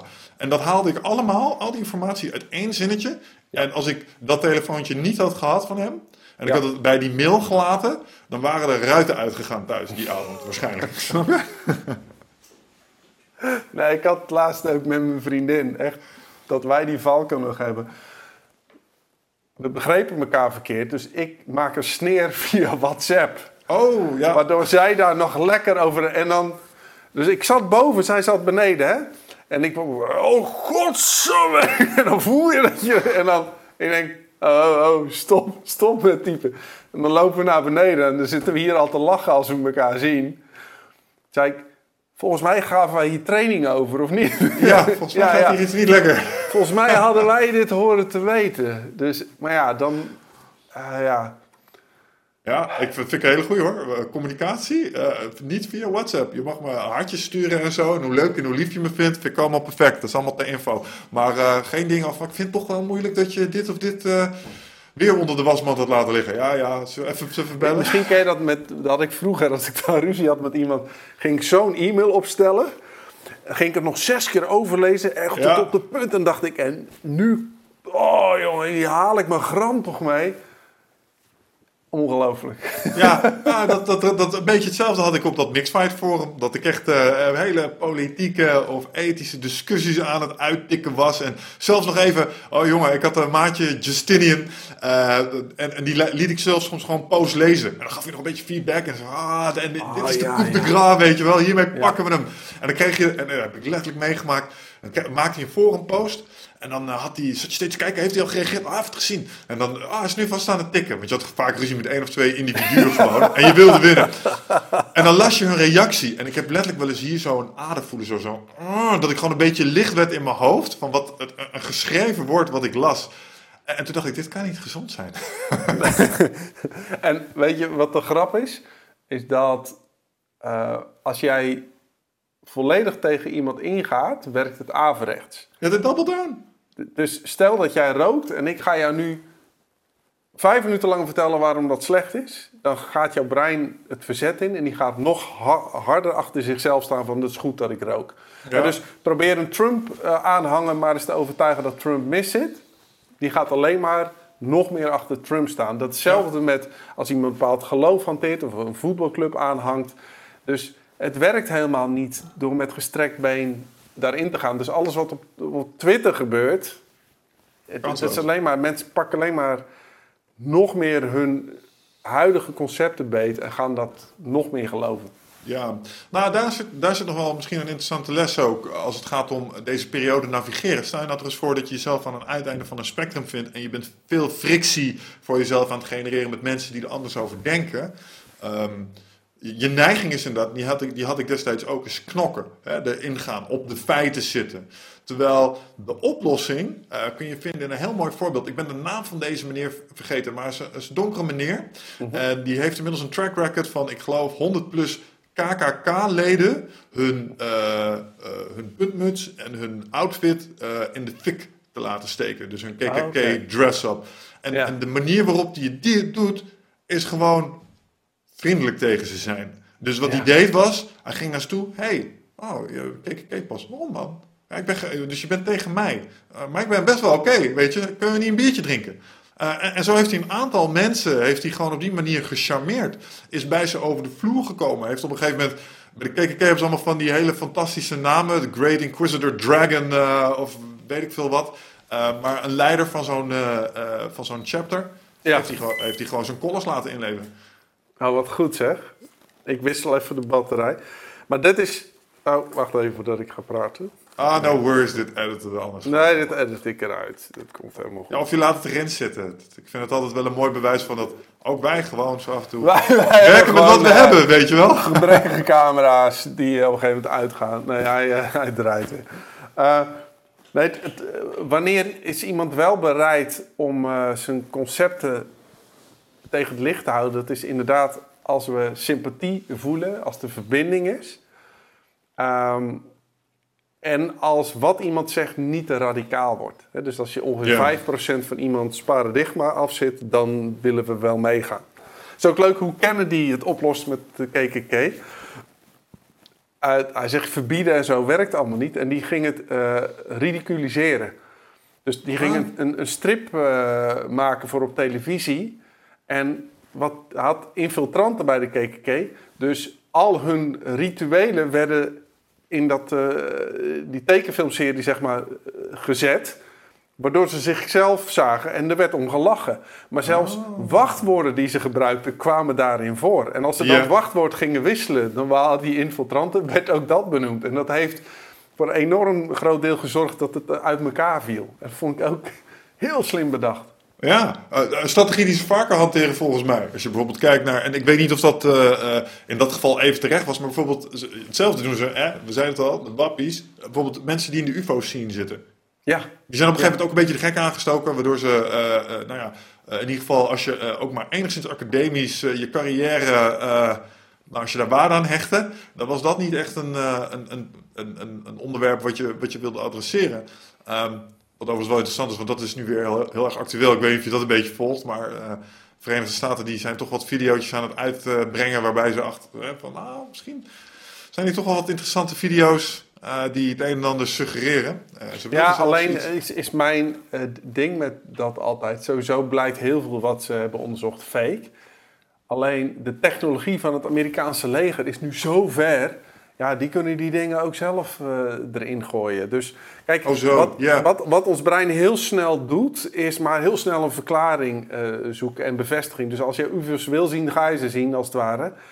Um, Soms zit het net wat genuanceerder. Ja, nee, het was een, het was een zijsprongetje. Ik, ik, vind, ik hoop dat Alien Life bestaat. En als de Verenigde Staten zeggen, uh, of uh, raadgevers van, de Verenigde, uh, van het Witte Huis komen, nou, we hebben misschien wat technologie van gevonden buitenaardse schepen. Dan hoop ik altijd dat dat waar is. Dat is het enige.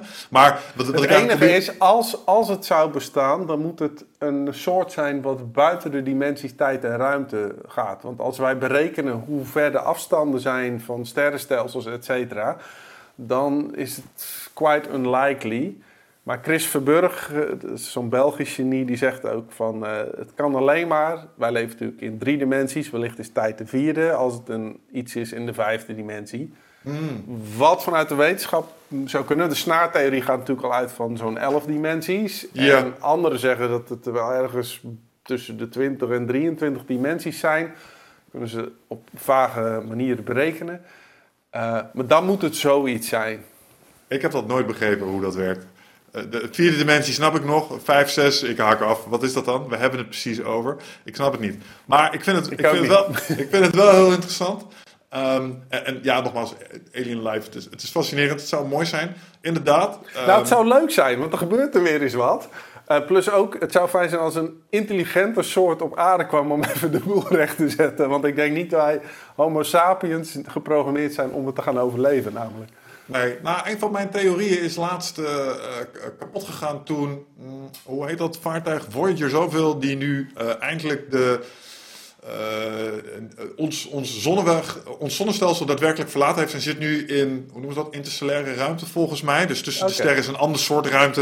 Uh, daar is het recentelijk ingegaan. En ik had altijd zo'n verwachting dat als we daar ons eerste ruimtevaartuigje overheen zouden laten gaan, dat we erachter zouden komen dat we daar niet verder kunnen of zo. Dat is zo tonk, tonk, tonk. Een of de force field met een bordje erbuiten, don't feed the humans. Omdat we in quarantaine zitten. ja. Jammer. Ja, helaas. Nee, ja, nee, het, het, ja, ik denk dat. Uh, ja, denk je dat echt dat we hulp nodig hebben van buitenaf omdat we het anders niet redden? Ben, ben je, nou, ben je ja, hoop zover kwijt? ik, uh, ik denk dat, dat de mensen is niet eens zo slecht. Hè? Dus ik, binnen onze eigen groep zijn we best wel hele empathische, lieve wezens en zorgzaam voor elkaar en beschermend. Mhm. Uh, alleen buiten onze eigen groep is het brein vrij angstig in eerste instantie. Dan hebben we gelukkig nog uh, spiegelneuronen, waardoor we ook empathie voelen voor anderen. Ehm, alleen om op grote schaal leiding te geven en de wereld te sturen, daar zijn we tot op heden nog niet zo in geslaagd. En je ziet toch dat het, het menselijk verlangen oneindig is. Dus we plunderen deze planeet zo ver voor onze eigen gelukstofjes uh, dat we daar uiteindelijk denk ik de deksel op ons neus krijgen. Hmm.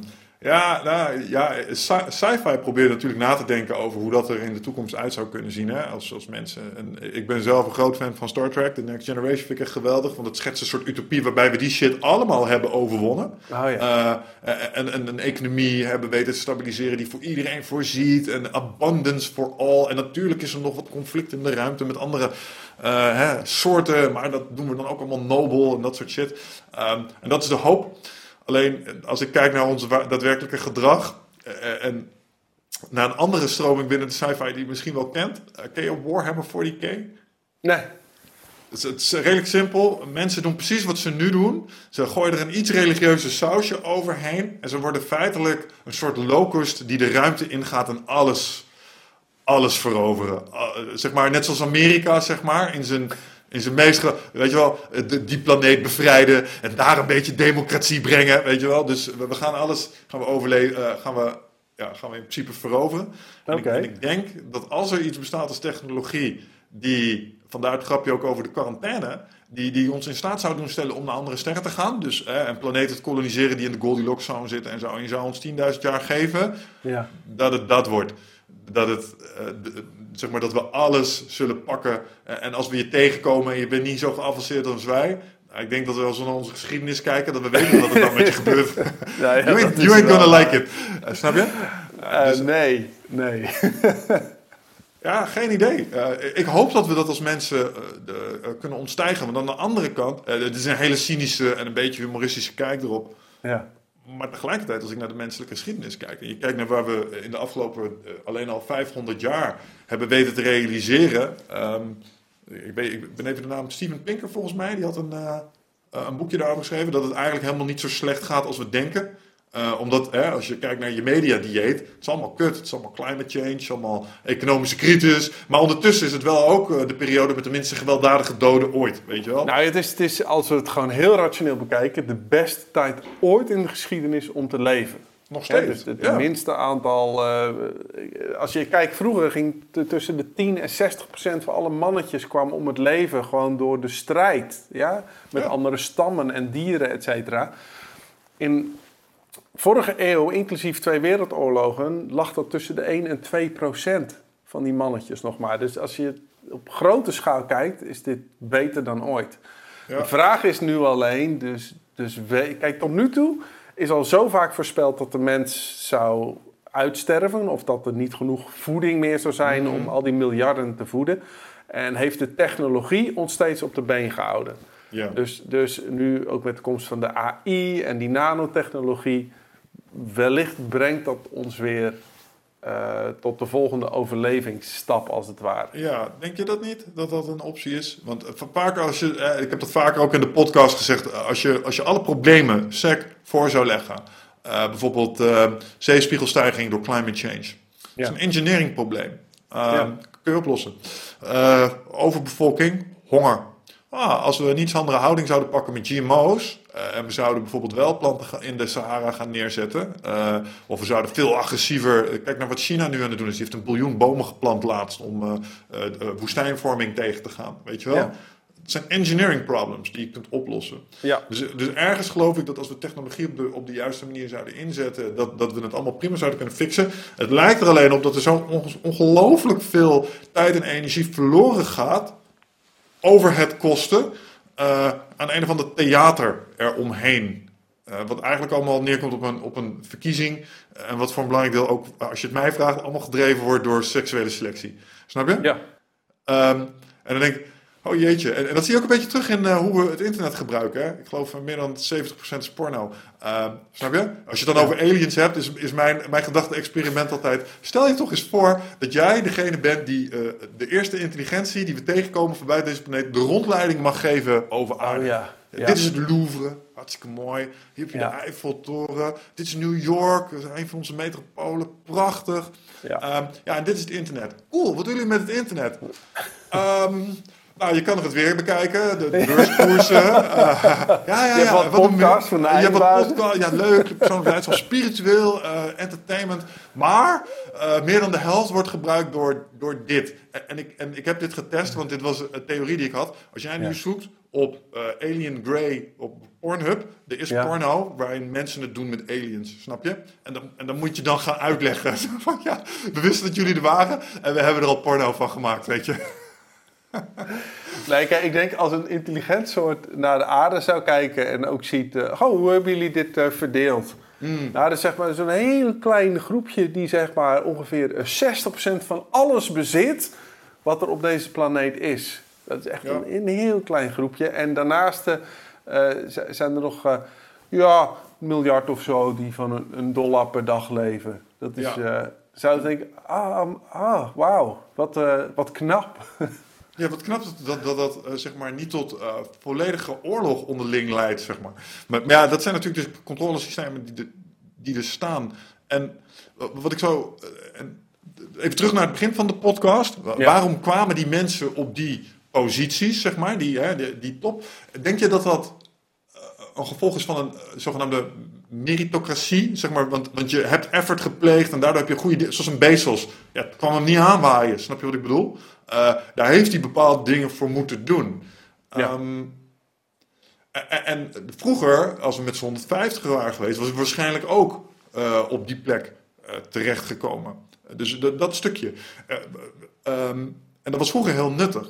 Dus- eigenlijk wat je zegt is, we moeten daar dat stukje evolutionaire bagage, moeten we op een of andere manier ontgroeien. Terwijl als ik kijk naar mijn intuïties daarbij, of het gevoel dat ik erbij heb, een Bill Ja. Gates, een, een Bezos, ik vind het heel logisch dat ze zitten waar ze zitten. En ergens vind ik ook dat ze het verdiend hebben. Eh, en, dan kun je zeggen, ja, maar het zijn echt kille zakenmannen geweest. Ja, dat weet ik. Maar vroeger kwamen ze naar je huis, sloegen ze je hoofd en namen je vrouw mee. Dat hebben ze allemaal niet gedaan, snap je?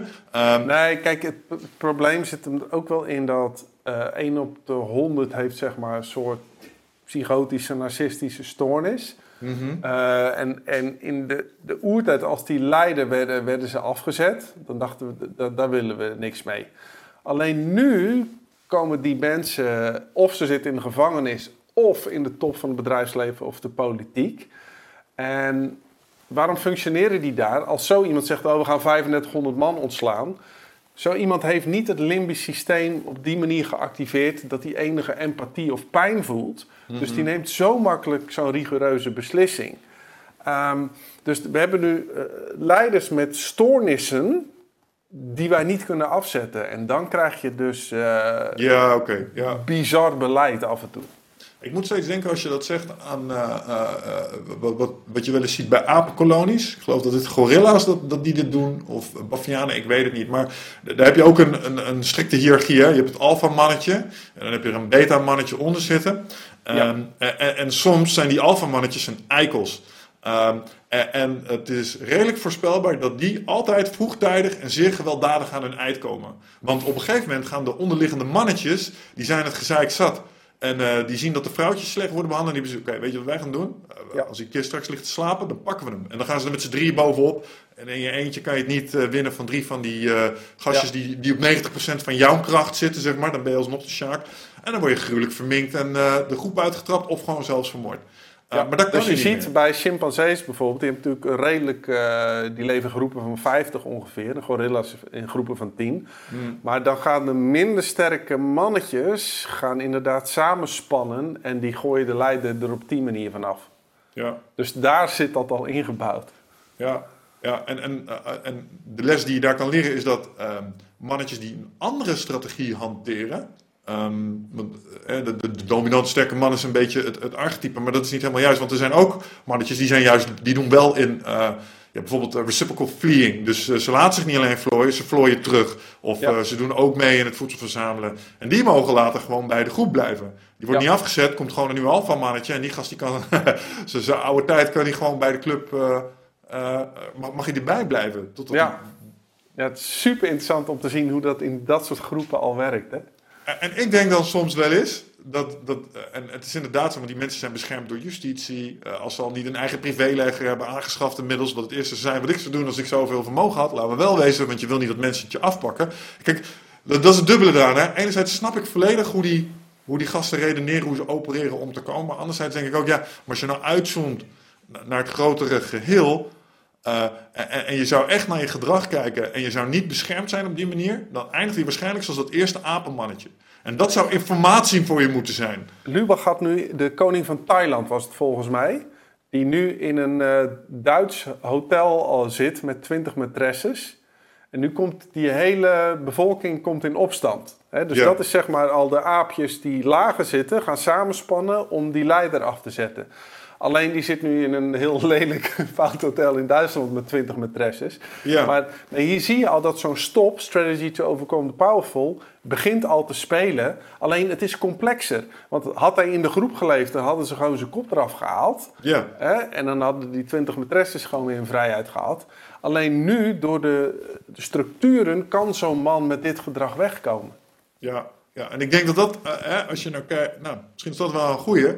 Ehm, dat dat als je in een leidinggevende positie zit, vraag, stel jezelf eens de vraag, weet je wel. Als het nu zou zijn zoals vroeger en we zouden die apen op die aapheuvel zijn, zou ik dan nu worden doodgeslagen met een steen? Of zou ik mijn oude dagen bij deze mensen mogen uitleven? En als je in het Ja. eerste stukje zit, dan moet je eens kritisch gaan kijken naar jezelf. Want dan word je beschermd door oneindige, oneigenlijke mechanieken. We hebben, we hebben die feedback nodig van de omgeving om onszelf in het gareel te houden. En zeker een mannetje, die krijgt een te hoog testosteronlevel. Wat je ook ziet, een CEO die kan ver komen en die heeft vaak een, een vrouw achter zich staan die heel kritisch naar hem is. Dus als hij thuis komt, krijgt hij gewoon weer tik, tik, tik, vuilnisbak buiten zetten en normaal doen.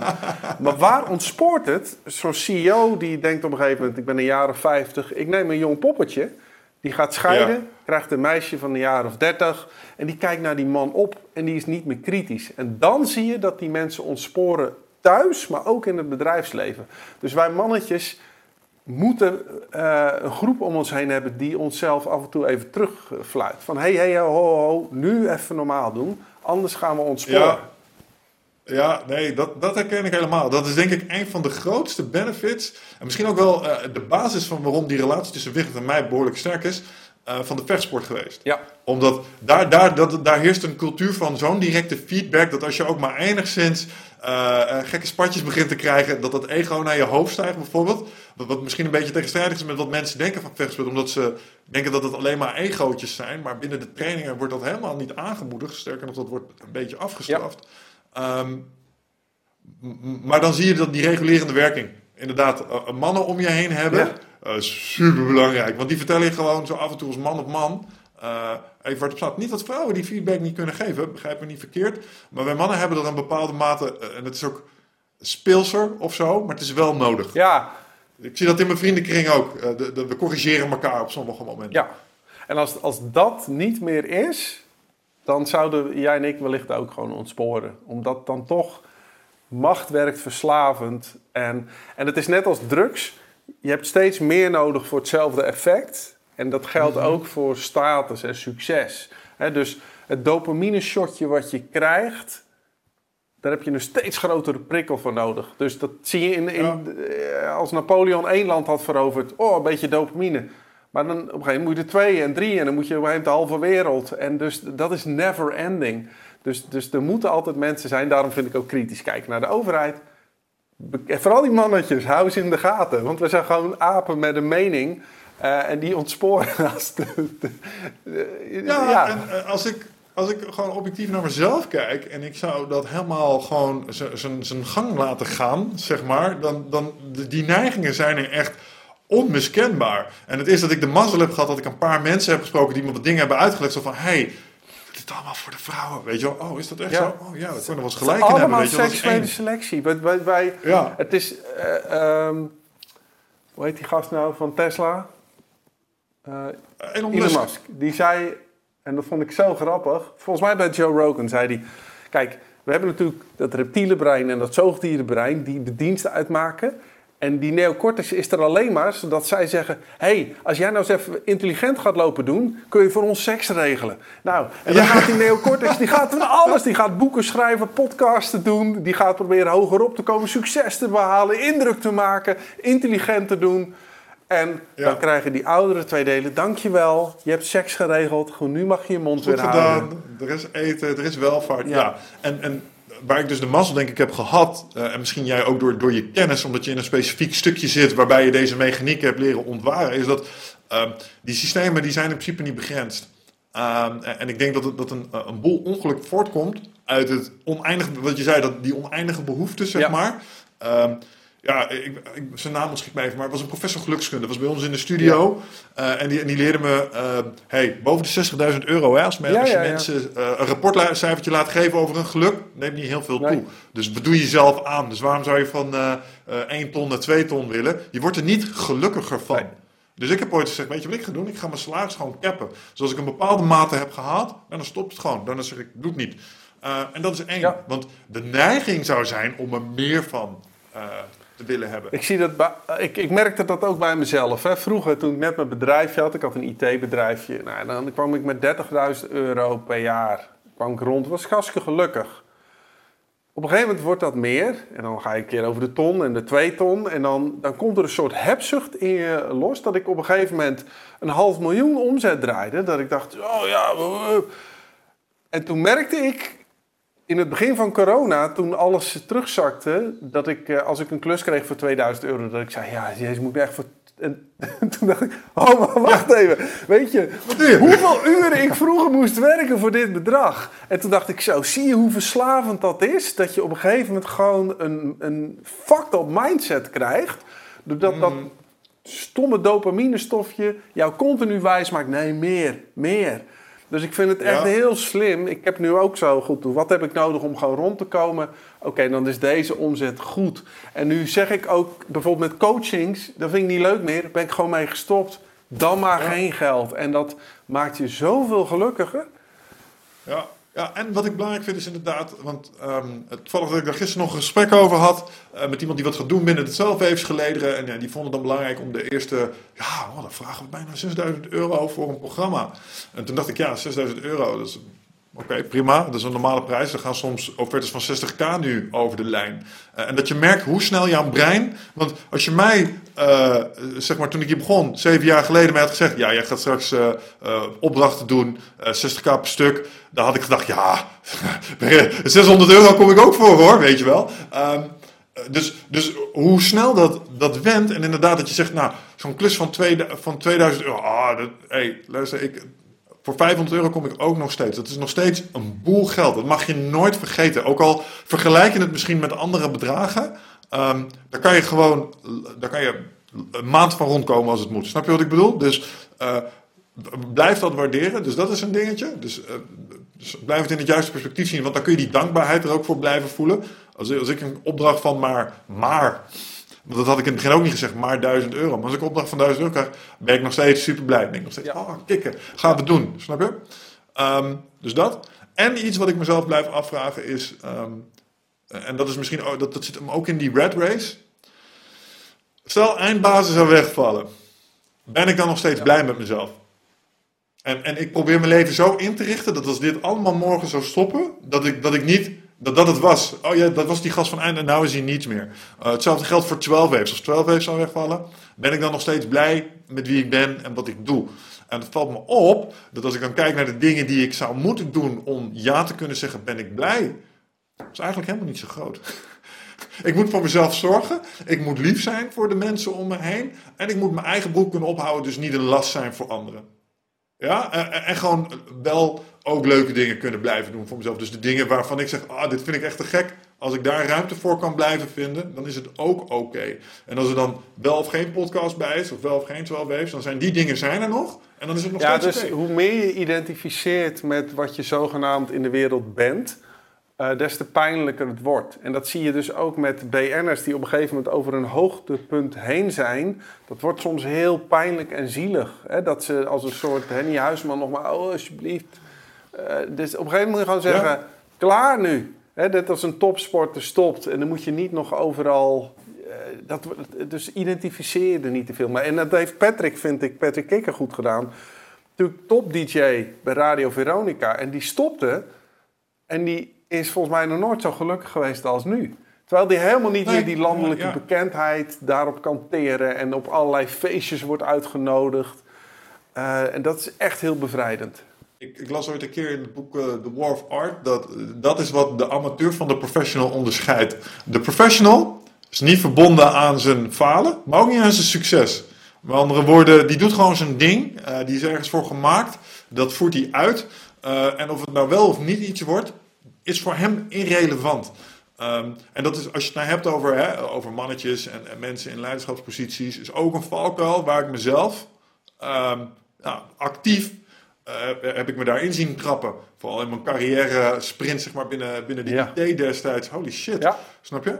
Ehm, maar dat was niet de weg naar geluk. Nee, nee, en het geluk zit hem in, eh, ja, uiteindelijk had je oma dan toch weer gelijk, weet je. Het zit hem in kleine dingen. Ja. En dan denk je, eh, eh, dan ga je van alles doen en dan word je zelf een oude lul. denk je, oh, wacht even. Het zit hem in hele kleine momentjes gedurende de dag, maar het zit hem niet in die paar highlights. Het is niet die gouden plak, want dat is zo fragiel allemaal. Het is hem inderdaad, nou, als we geluk ontleden, het is gewoon, heb je je leven stabiel. Dat is natuurlijk belangrijk, hè? Dat, want als je echt geldzorg hebt, dat doet iets. Hè? Daarnaast zit geluk ook ja. nog wel in het reepje chocolade, seks. Gewoon de instant momentjes. En geluk zit hem voor de neocortex in het eh, hebben van een meaningful goal. Dus, dus kun jij iets bijdragen aan jouw eigen sociale groep? Hè, dat je andere mensen helpt, de connectie voelt, dat je iets nuttigs doet. Ja, en als die Nou, dat, dat laatste met name, doe je iets nuttigs. Ik denk dat dat het meest cruciale is eh, eh, als het gaat om, om je hele carrière en alles. Maakt niet uit of je directeur wordt. Maakt niet uit of je ehm, eh, iets anders doet. Als het nut heeft voor anderen en je voelt dat ook Ja. echt zo. Kijk, als je iets aan het doen bent waarbij je van, waar ben ik mee bezig man? Waar gooi ik mijn levensenergie in? Dat, Nou, dat is... zie ik veel mensen die dan in de top zitten en die spreek ik dan en die zeggen dan: Oké, ik ben hier, eh, ik zit in de hoogste boom, maar ik zit aan de gouden ketting. Dus superveel verdienen, maar eigenlijk weten wat ik lever in deze wereld voegt echt niks toe. En dan zie je dat dat zo'n Nee. negatieve stempel drukt op hun geluksniveau. En dan zeggen ze, ja, had Ja. ik maar zo'n baantje als jij. Ik zeg, ja, maar ik verdien lang niet wat jij verdient. Ik zeg, maar ik hoef ook niet meer. Dit is goed. Ah, en ik denk dat mensen zich, daar- zichzelf daar ook iets aandoen. Want eh, ik heb ook een paar mensen naast mij die zijn financieel eh, bijzonder succesvol. Eh, maar als ik dan zie naar wat voor huizen ze kopen, met wat voor Ja. hypotheken, dan denk ik, jij kan nooit Nee. meer iets anders doen. Eh, mijn kostenpatroon is echt zo mean en lean mogelijk ingericht. Na de podcast met Bas Kodde, die zei: Hey, winter is coming, motherfuckers. eh, heb ik er nog eens een keer eh, de helft van afgehaald. Dus het, het maakt mij niet uit wat. het- mijn Ja. kosten zijn laag. Maar dat is ook omdat ik niet hecht. en daar heb ik misschien geluk. Ehm, kijk, ik hoef niet per se in een villa te wonen. Ik, ik ben even gelukkig in, een klein huisje. Ik vind het fijn dat ik iets kan Ja. zien wat groen is. Dus die ligging vind ik dan nog Ja. wel een beetje belangrijk. Maar voor de rest, nee. Snap je? Nee, kijk, je, je, je ondergraaft je eigen geluksniveau. Doordat je als je meer gaat verdienen, ga je naar een duurdere wijk. En dan gaat jouw brein zich weer vergelijken met wat daar woont. Maar die hebben allemaal een grotere auto en een nog luxer huis. Dus jouw brein denkt weer, ik ben een loser. Ja, ik, ik weet niet wie ik dit hoorde vertelde, maar dat was iemand die vertelde dat hij, hij was miljonair geworden. En hij had eindelijk zijn eerste privéjet. En daar was hij super trots op. En toen sprak hij met een andere miljardair. En die zei, oh, jij hebt maar één privéjet. Ik heb er twaalf. Je vergelijkt je namelijk nooit met mensen die minder hebben, maar altijd waar nog meer te halen valt. En dat maakt je zo ongelukkig. Ja, ja en, en tegelijkertijd geloof ik in jezelf optrekken aan mensen. Hè? Dus eh, een, een rolmodel hebben. Ik zeg wel eens, joh, eh, ik, ik probeer Joe Rogan echt Ja. 100% na te doen. Eh, We hadden zelfs de supplementen, zeg maar, die hij had gemaakt, hebben geïmporteerd. Dat heeft gezorgd voor Nutrofit. Nutrofit zorgde ervoor dat we eindbaas hadden. Wat gingen we toen doen? Een podcast maken in het exactzelfde format. Maar, ehm, en, wij gaan nooit verdienen wat hij 100 mee miljoen. verdient. Eh, 100 miljoen. There we go. Ik mag hopen dat Spotify ons ooit eens een keer voor dat bedrag eh, zou willen kopen. Maar eh, nee, dat gaat niet gebeuren. Maar, maar het feit dat we hebben gemikt op dat niveau heeft er wel voor gezorgd dat we nu, nou, jij en ik hier zitten. Anders had ik nooit met jou in gesprek gekund, snap je? Of met andere Ja, ik leuke vind het mensen. hartstikke goed dat je een, een doel stelt. Dat is ook heel belangrijk hè, voor het brein, want dan weet hij de, de, de richting en dan kun je afleidingen vermijden. Eh, Ja. Maar uiteindelijk, als je terugkijkt, is de weg ernaartoe is wat het leukste was. Want ook Joe Ja. Rogan krijgt dan 100 miljoen op zijn bank bijgeschreven. Nou, als wij in zijn brein meten hoeveel dopamine en endorfine dat heeft toegevoegd, waarschijnlijk staat hij op, kijkt op zijn rekening, zou ik nu eens gaan doen. Dus het, het- Ja, de lol precies. zit hem en daarin is hij natuurlijk ook wel uniek. Hij heeft echt lol in wat hij doet en dat zie je. Hij is een nieuwsgierige gast, hij schroomt niets, stelt goede vragen ja, en dat is wat hem uniek maakt. Ja, en ik denk dat, dat, dat het met je... eh, dat het klopt wat je zegt. Je, je wordt niet wakker en je kijkt op je rekening en je denkt, oh, dikke bankrekening. Dat, dat doe je nauwelijks. Ik denk dat het erom gaat dat eh, als je nou een mooi leven wil leiden. Uh, stel, ik zou morgen horen dat ik uh, moest worden opgenomen en dat het uh, einde, uh, einde leven is. En ik zou terugkijken naar de dingen waar ik echt blij van werd. Of waar ik, wat ik denk van dit maakte een mooi leven. Dan was het inderdaad niet alleen dat we een eindbasis podcast hadden en dat we soms opeens stonden bij Spotify. Nou, jee, ik kijk er eigenlijk nooit naar, weet je wel. Dat dat, dat, dat, dat zo is, dat hoor ik van jou en denk, oké, okay, het is geinig. Um, we doen er verder niet zoveel mee. Maar waar ik wel aan denk, zijn de momenten uh, sowieso dat je in de studio zat. En het zijn niet eens de opnames, zijn die momenten daarna waar je over moet lachen. Alle vette weekenden die ik met mijn maten heb beleefd. Alle keren dat er iets hartstikke goed is gegaan in het seksuele selectiespel, weet je wel. Uh, de, dat zijn alle momenten waarvan ik, ja, dat was kicken. Of dat ik in een uitzonderlijke situatie was waar nooit iemand terecht zou zijn gekomen. Bijvoorbeeld, we mochten met de Mars of mee. Sta je dan met Wigert op een speedbootje terwijl je in Rotterdam door de haven heen scheurt met een paar van die stoere lui. Was ik nooit terechtgekomen. Als ik daar terugdenk, krijg ik smaal van oor tot oor. Snap je? Dat zijn de momenten waar het daadwerkelijk om Zeker, en wat je brein onthoudt zijn uh, dat wat de grootste emotie heeft, wordt opgeslagen. Hè? Dus het zijn uh, van die onverwachte toffe momenten die opeens gebeuren. En, uh, en ja, ja, die... Nou ja, daarom mensen vragen me ook vaak van hoe moet ik beginnen met een bedrijfje of met een sprekerscarrière. En dan zeg ik het belangrijkste is dat je beweegt. Dus ja. op het moment dat je namelijk niet uh, bezig bent met content maken, jezelf laat zien in de wereld, koffie gaat drinken met mensen, dan gebeurt er gewoon niks. En wat er gaat gebeuren in je carrière weet je toch nooit, want dat is van miljoenen factoren afhankelijk. Maar één ding is wel, beweeg. Net als wat jij net zegt, we beginnen gewoon uh, een podcast, daaruit rolt dit voort. En dan gaat die sneeuwbal rollen en dan kom je in situaties dat je denkt, oh, kikken. Alleen wat grappig is, als mensen dan aan je vragen, hoe ben je daar gekomen ja, er is geen zeven stappenplan van zo heb ik het precies gedaan. Dat, dat is bij iedereen anders. Er is geen formule voor, behalve bewegen. Ja, ja nou dat, de, de, de, zeggen, er zijn wel bepaalde principes. Bewegen is één. Een vaste stip op de horizon waarnaar je toe beweegt ja, is ook een prettige. Zorgen dat je het een beetje consistent doet is misschien ook wel leuk. Want sommige mensen die doen dan even iets kort en intensiefs. Uh, en dan stoppen ze ermee, weet je wel. Dus, je moet, dus er zijn wel bepaalde wetmatigheden. Maar ik denk dat we in beweging komen zal voor een boel mensen het proces in gang zetten. Dus proactiviteit. De, de vraag die wij vaak krijgen: ja man, hoe ben je nou met Michael Pollen in gesprek gekomen? En met uh, Jordan Peterson en, uh, en Jan Terlouw en Guido Wijs en Paul Smit. Uh, ik heb ze LinkedIn toegevoegd, ik heb ze bericht gestuurd. Weet je wel? mensen denken dat er vaak een heel groot magisch proces aan de grondslag ligt. Geheime overleg is. Ik weet het allemaal niet. Nee, ik heb een bericht gestuurd en ik kreeg een ja terug. Um, en, het, en het grappige is, maar wat jij niet ziet, zijn die andere 900 berichten die ik heb gestuurd waar ik een nee op terugkreeg. Alleen het verschil is, ik, ben bericht, ik heb steeds berichtjes doorgestuurd ja, naar mensen. Ja. En uiteindelijk zat er een paar tussen waar Kijk, het goed ging. Als je kijkt naar wanneer is een ondernemer succesvol, gemiddeld faalt een ondernemer 3,7 keer voordat iets lukt. En als ik nu kijk van alle projecten waarmee ik ben begonnen, er is echt heel veel mislukt. Alleen wat mensen zien is die, die, die ja. paar succesjes die je dan hebt.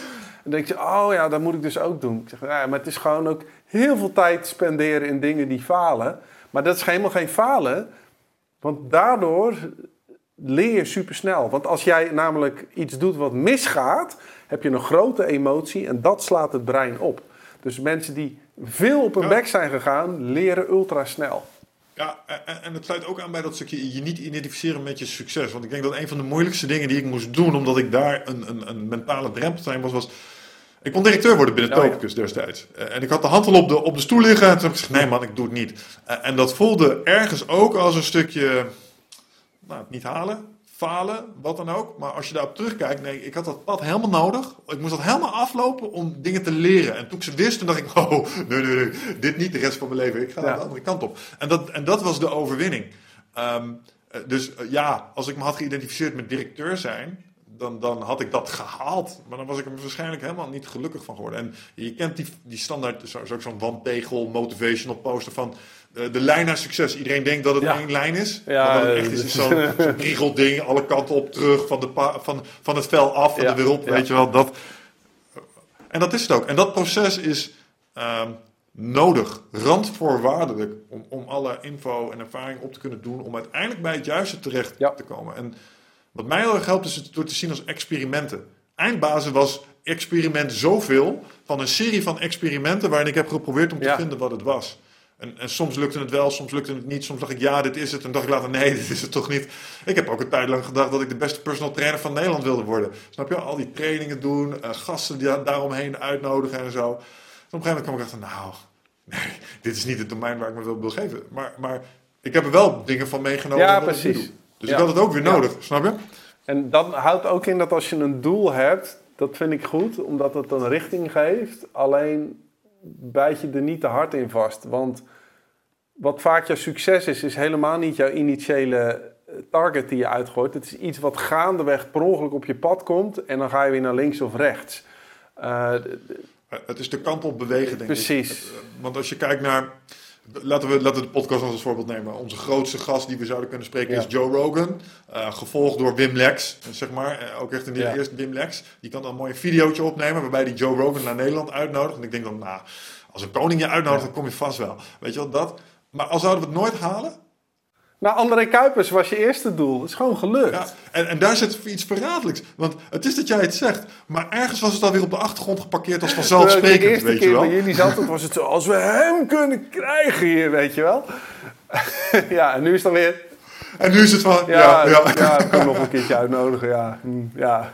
Na- Natuur, natuurlijk is dat gelukt, weet je wel. Zo van, ja, dat, dat fixen we. Nee, want daar hadden we mazzel mee. En daar hebben we heel veel Ja. voor moeten zeuren. Maar je geest is verraden, Ja. want je vergeet het snel. Ja, mooi. Ja, Ja, dat blijft grappig. Mensen, het is zo'n fucking trucendoos. Ja.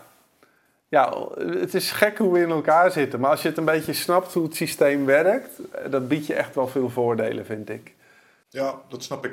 hey, en als we deze dan, ehm, als we er een strik omheen zouden willen doen. Want we zijn er bijna weer twee uur met elkaar aan het kletsen. Het Snel, altijd snel met Ja. jou in de mix. Ik vond het sowieso alweer een vet gesprek. Ehm, maar ehm, het hele ding was, hoe navigeren we deze periode vanuit een stukje sensemaking misschien wat beter? Nou, daar hebben we een aantal eh, slimme dingen over gezegd. En één onderwerp wat ik nog even wilde aanraken, eh, waar je misschien nog iets hi- intelligents over kunt zeggen, is vanuit een filosofisch perspectief.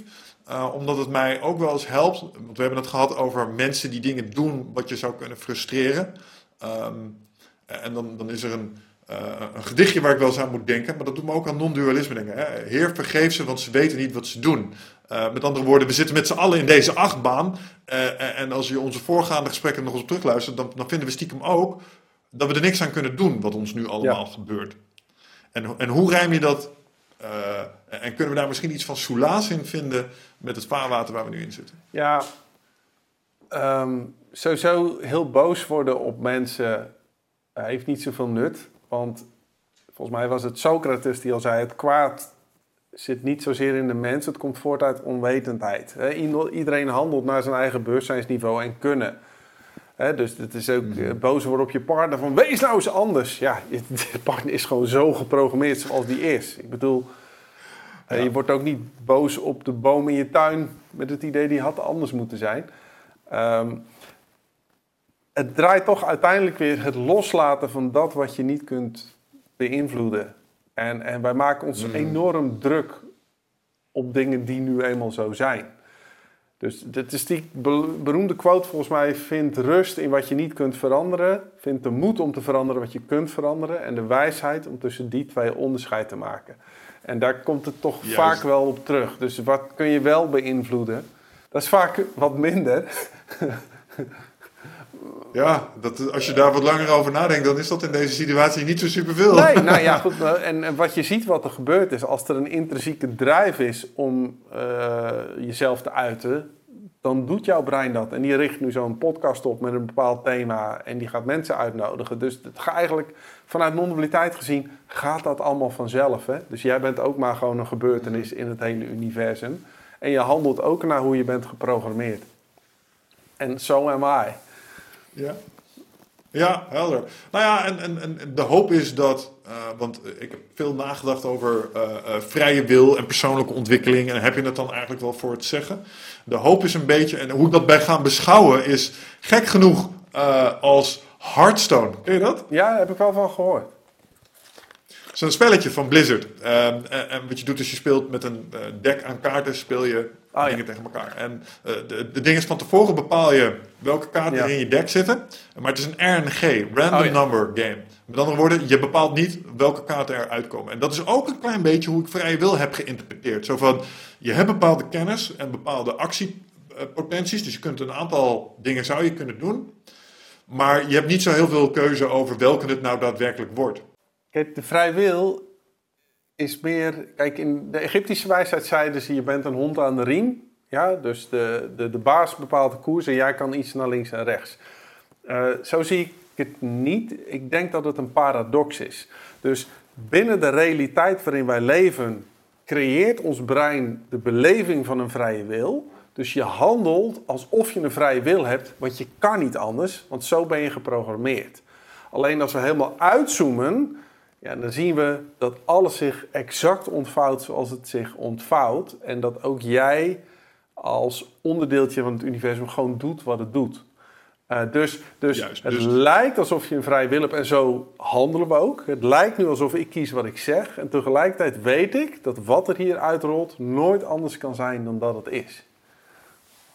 En dat, dat is het ding een beetje, zo zie ik het ook op dat niveau. Dus er, er rollen dingen uit, maar die rollen eruit omdat er bijvoorbeeld eh, bijna 200 podcasts voor hebben gezeten. eh, waar bepaalde informatie is geconsumeerd. Die hebben mijn wereldbeeld gevormd. En nu geef ik daarom andere antwoorden en komen er andere zinnen uit die eruit zouden zijn gekomen als ik die 200 podcasts niet zou hebben Ja, opgenomen. absoluut. Dus, dus je kunt zien dat het stukje energie wat wij zijn, heeft een programmering. En dat is deels genetisch en deels conditionering. En, en die, hele eh, samenraapsel maakt nu dat je bent zoals je bent. En de hoop is dat deze podcast dus eh, informatie bij andere mensen die dit luisteren naar binnen laat lopen. Waardoor nu in hun, eigenlijk is het een soort functie die elke keer wordt opgelost. Hè? Wat ga ik doen? Ga ik links? Ga ik rechts? Ga ik wel? Ga ik niet trainen? Ga ik me druk maken? Ga ik me niet druk maken? Wordt bepaald door een set aan variabelen. Wat je weet, wat je hebt meegemaakt, eh, welk weer het is, wat je hebt gegeten vanochtend. eh, of je wel of geen seks hebt gehad gisteren. Ja. Alles bij elkaar.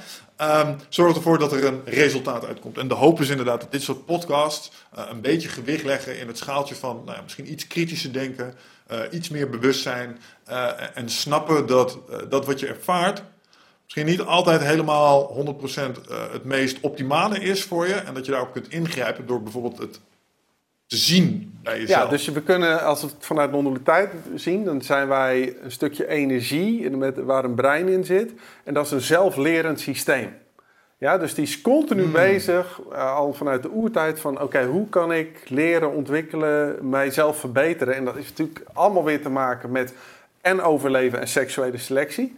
Maar goed, dat is wel gewoon de basis. Hè? Dus op het moment dat je zo'n podcast hebt. Ik heb van jullie podcast ook weer heel veel geleerd. Want dan zit ik in trainingen van Toon Gerbrands dingen te vertellen. die ik bij jullie heb gehoord. Ja. Dan zeg ik, en zeg ik, ja, mooi, die mooi, zei mooi, dit en dat. En eh, die geeft op vrijdagmiddag, kun je bij hem komen. Dan geeft hij advies. En, en zo pikken we allemaal dingen van elkaar op. En dat is natuurlijk ook leuk, dat het een zelflerend systeem is. Mm, zeker, ja. Ja, Nou, ik hoop in ieder geval dat de mensen die hier eh, naar hebben geluisterd... eh, eh, een aantal dingen hebben uitgehaald voor zichzelf om... in ieder geval als het gaat om hun decision making, de wereld beter snappen, maar misschien ook dingen die ze nu kunnen doen ehm, eh, om de situatie waar we in zitten, hè, partiële lockdown, mensen zitten weer meer thuis, stel het doet iets met je. Nou, we hebben een aantal dingen besproken die vandaag potentieel zouden kunnen helpen met, met dat in ieder geval beter doorkomen, je er beter en fijner bij voelen. En uh, nou ja, uh, met z'n allen in ieder geval straks uh, tot een volgende stap komen die misschien wat meer voortkomt vanuit gezond boerenverstand. Denk ik. Uiteindelijk is boerenverstand het, het slimst. Want als we ons laten leiden door of het angstsysteem of het emotionele systeem, dan nemen we niet altijd de meest slimme beslissingen. Nee, en, en, en, ik bevind me de laatste tijd veel in, uh, de, uh, in Borklo en die omgeving. En uh, je, je, merkt hier in de, in de mensen merk je een bepaalde mindset. Ik spreek hier wel eens met lokale senioren, mensen die, al, die, die deze omgeving ook hebben zien ontstaan. Maar die, die hebben een mooi gezegde, joh, boerentempo. Weet je wel, die hebben hier de bossen aangelegd, ja. die hebben dat zien ontstaan. Die zeggen, soms duren dingen ja. gewoon even rust. En als zij kijken vanuit hier naar wat er allemaal in de wereld gebeurt. Ze, ze, ze snappen die hectiek niet en, en, vragen zich af hoe kan je daar in godsnaam jezelf in manifesteren en je goed bij voelen. Zonder echt gierend gek te worden. En als je er zo even in hun schoenen gaat staan en je kijkt er op die manier naar, dan denk je, ja, daar hebben ze ook eigenlijk wel gelijk in. Dus de, de, die, ik ben ook een high energy guy en ik wil graag meters maken. Maar het beste wat ik mezelf de laatste tijd heb gegund gewoon... soms is geduld even, en dat geldt ook voor mij, want ik ben altijd te snel en te hoogmoedig in dingen. Soms even, even relaxed, laat het even op zijn beloop. Dan, hè, want heel vaak heb ik al allemaal dingen gedaan die dan nutteloos bleken. Als ik gewoon even geduld had gehad, dan had het me zoveel energie bespaard. ja. Soms moet het proces even zijn werk doen. En uh, ik denk bij jij, jou en mij is geduld niet echt ons, ons sterkste karaktereigenschap. Eh, nee, en dat helpt soms. Uh, dat, dat heeft me op plekken gebracht, maar dat loopt me soms ook ongelooflijk voor de voeten. Uh, net zoals dat denken waar je het er straks over had, daar heb ik echt wel last van hoor de laatste tijd. Als je deze puzzels probeert uit te knobbelen. Maar nou, volgens mij hebben we een paar toffe dingen besproken waar ik in ieder geval en mensen die hiernaar hebben geluisterd mogelijk ook iets mee kunnen. Thanks in ieder geval weer voor de tijd en ja, energie die je erin wilde steken. Ja, ik ook. En nou, dit gaan we vast nog wel weer eens een keertje doen, dus dat is volgens mij helemaal goed.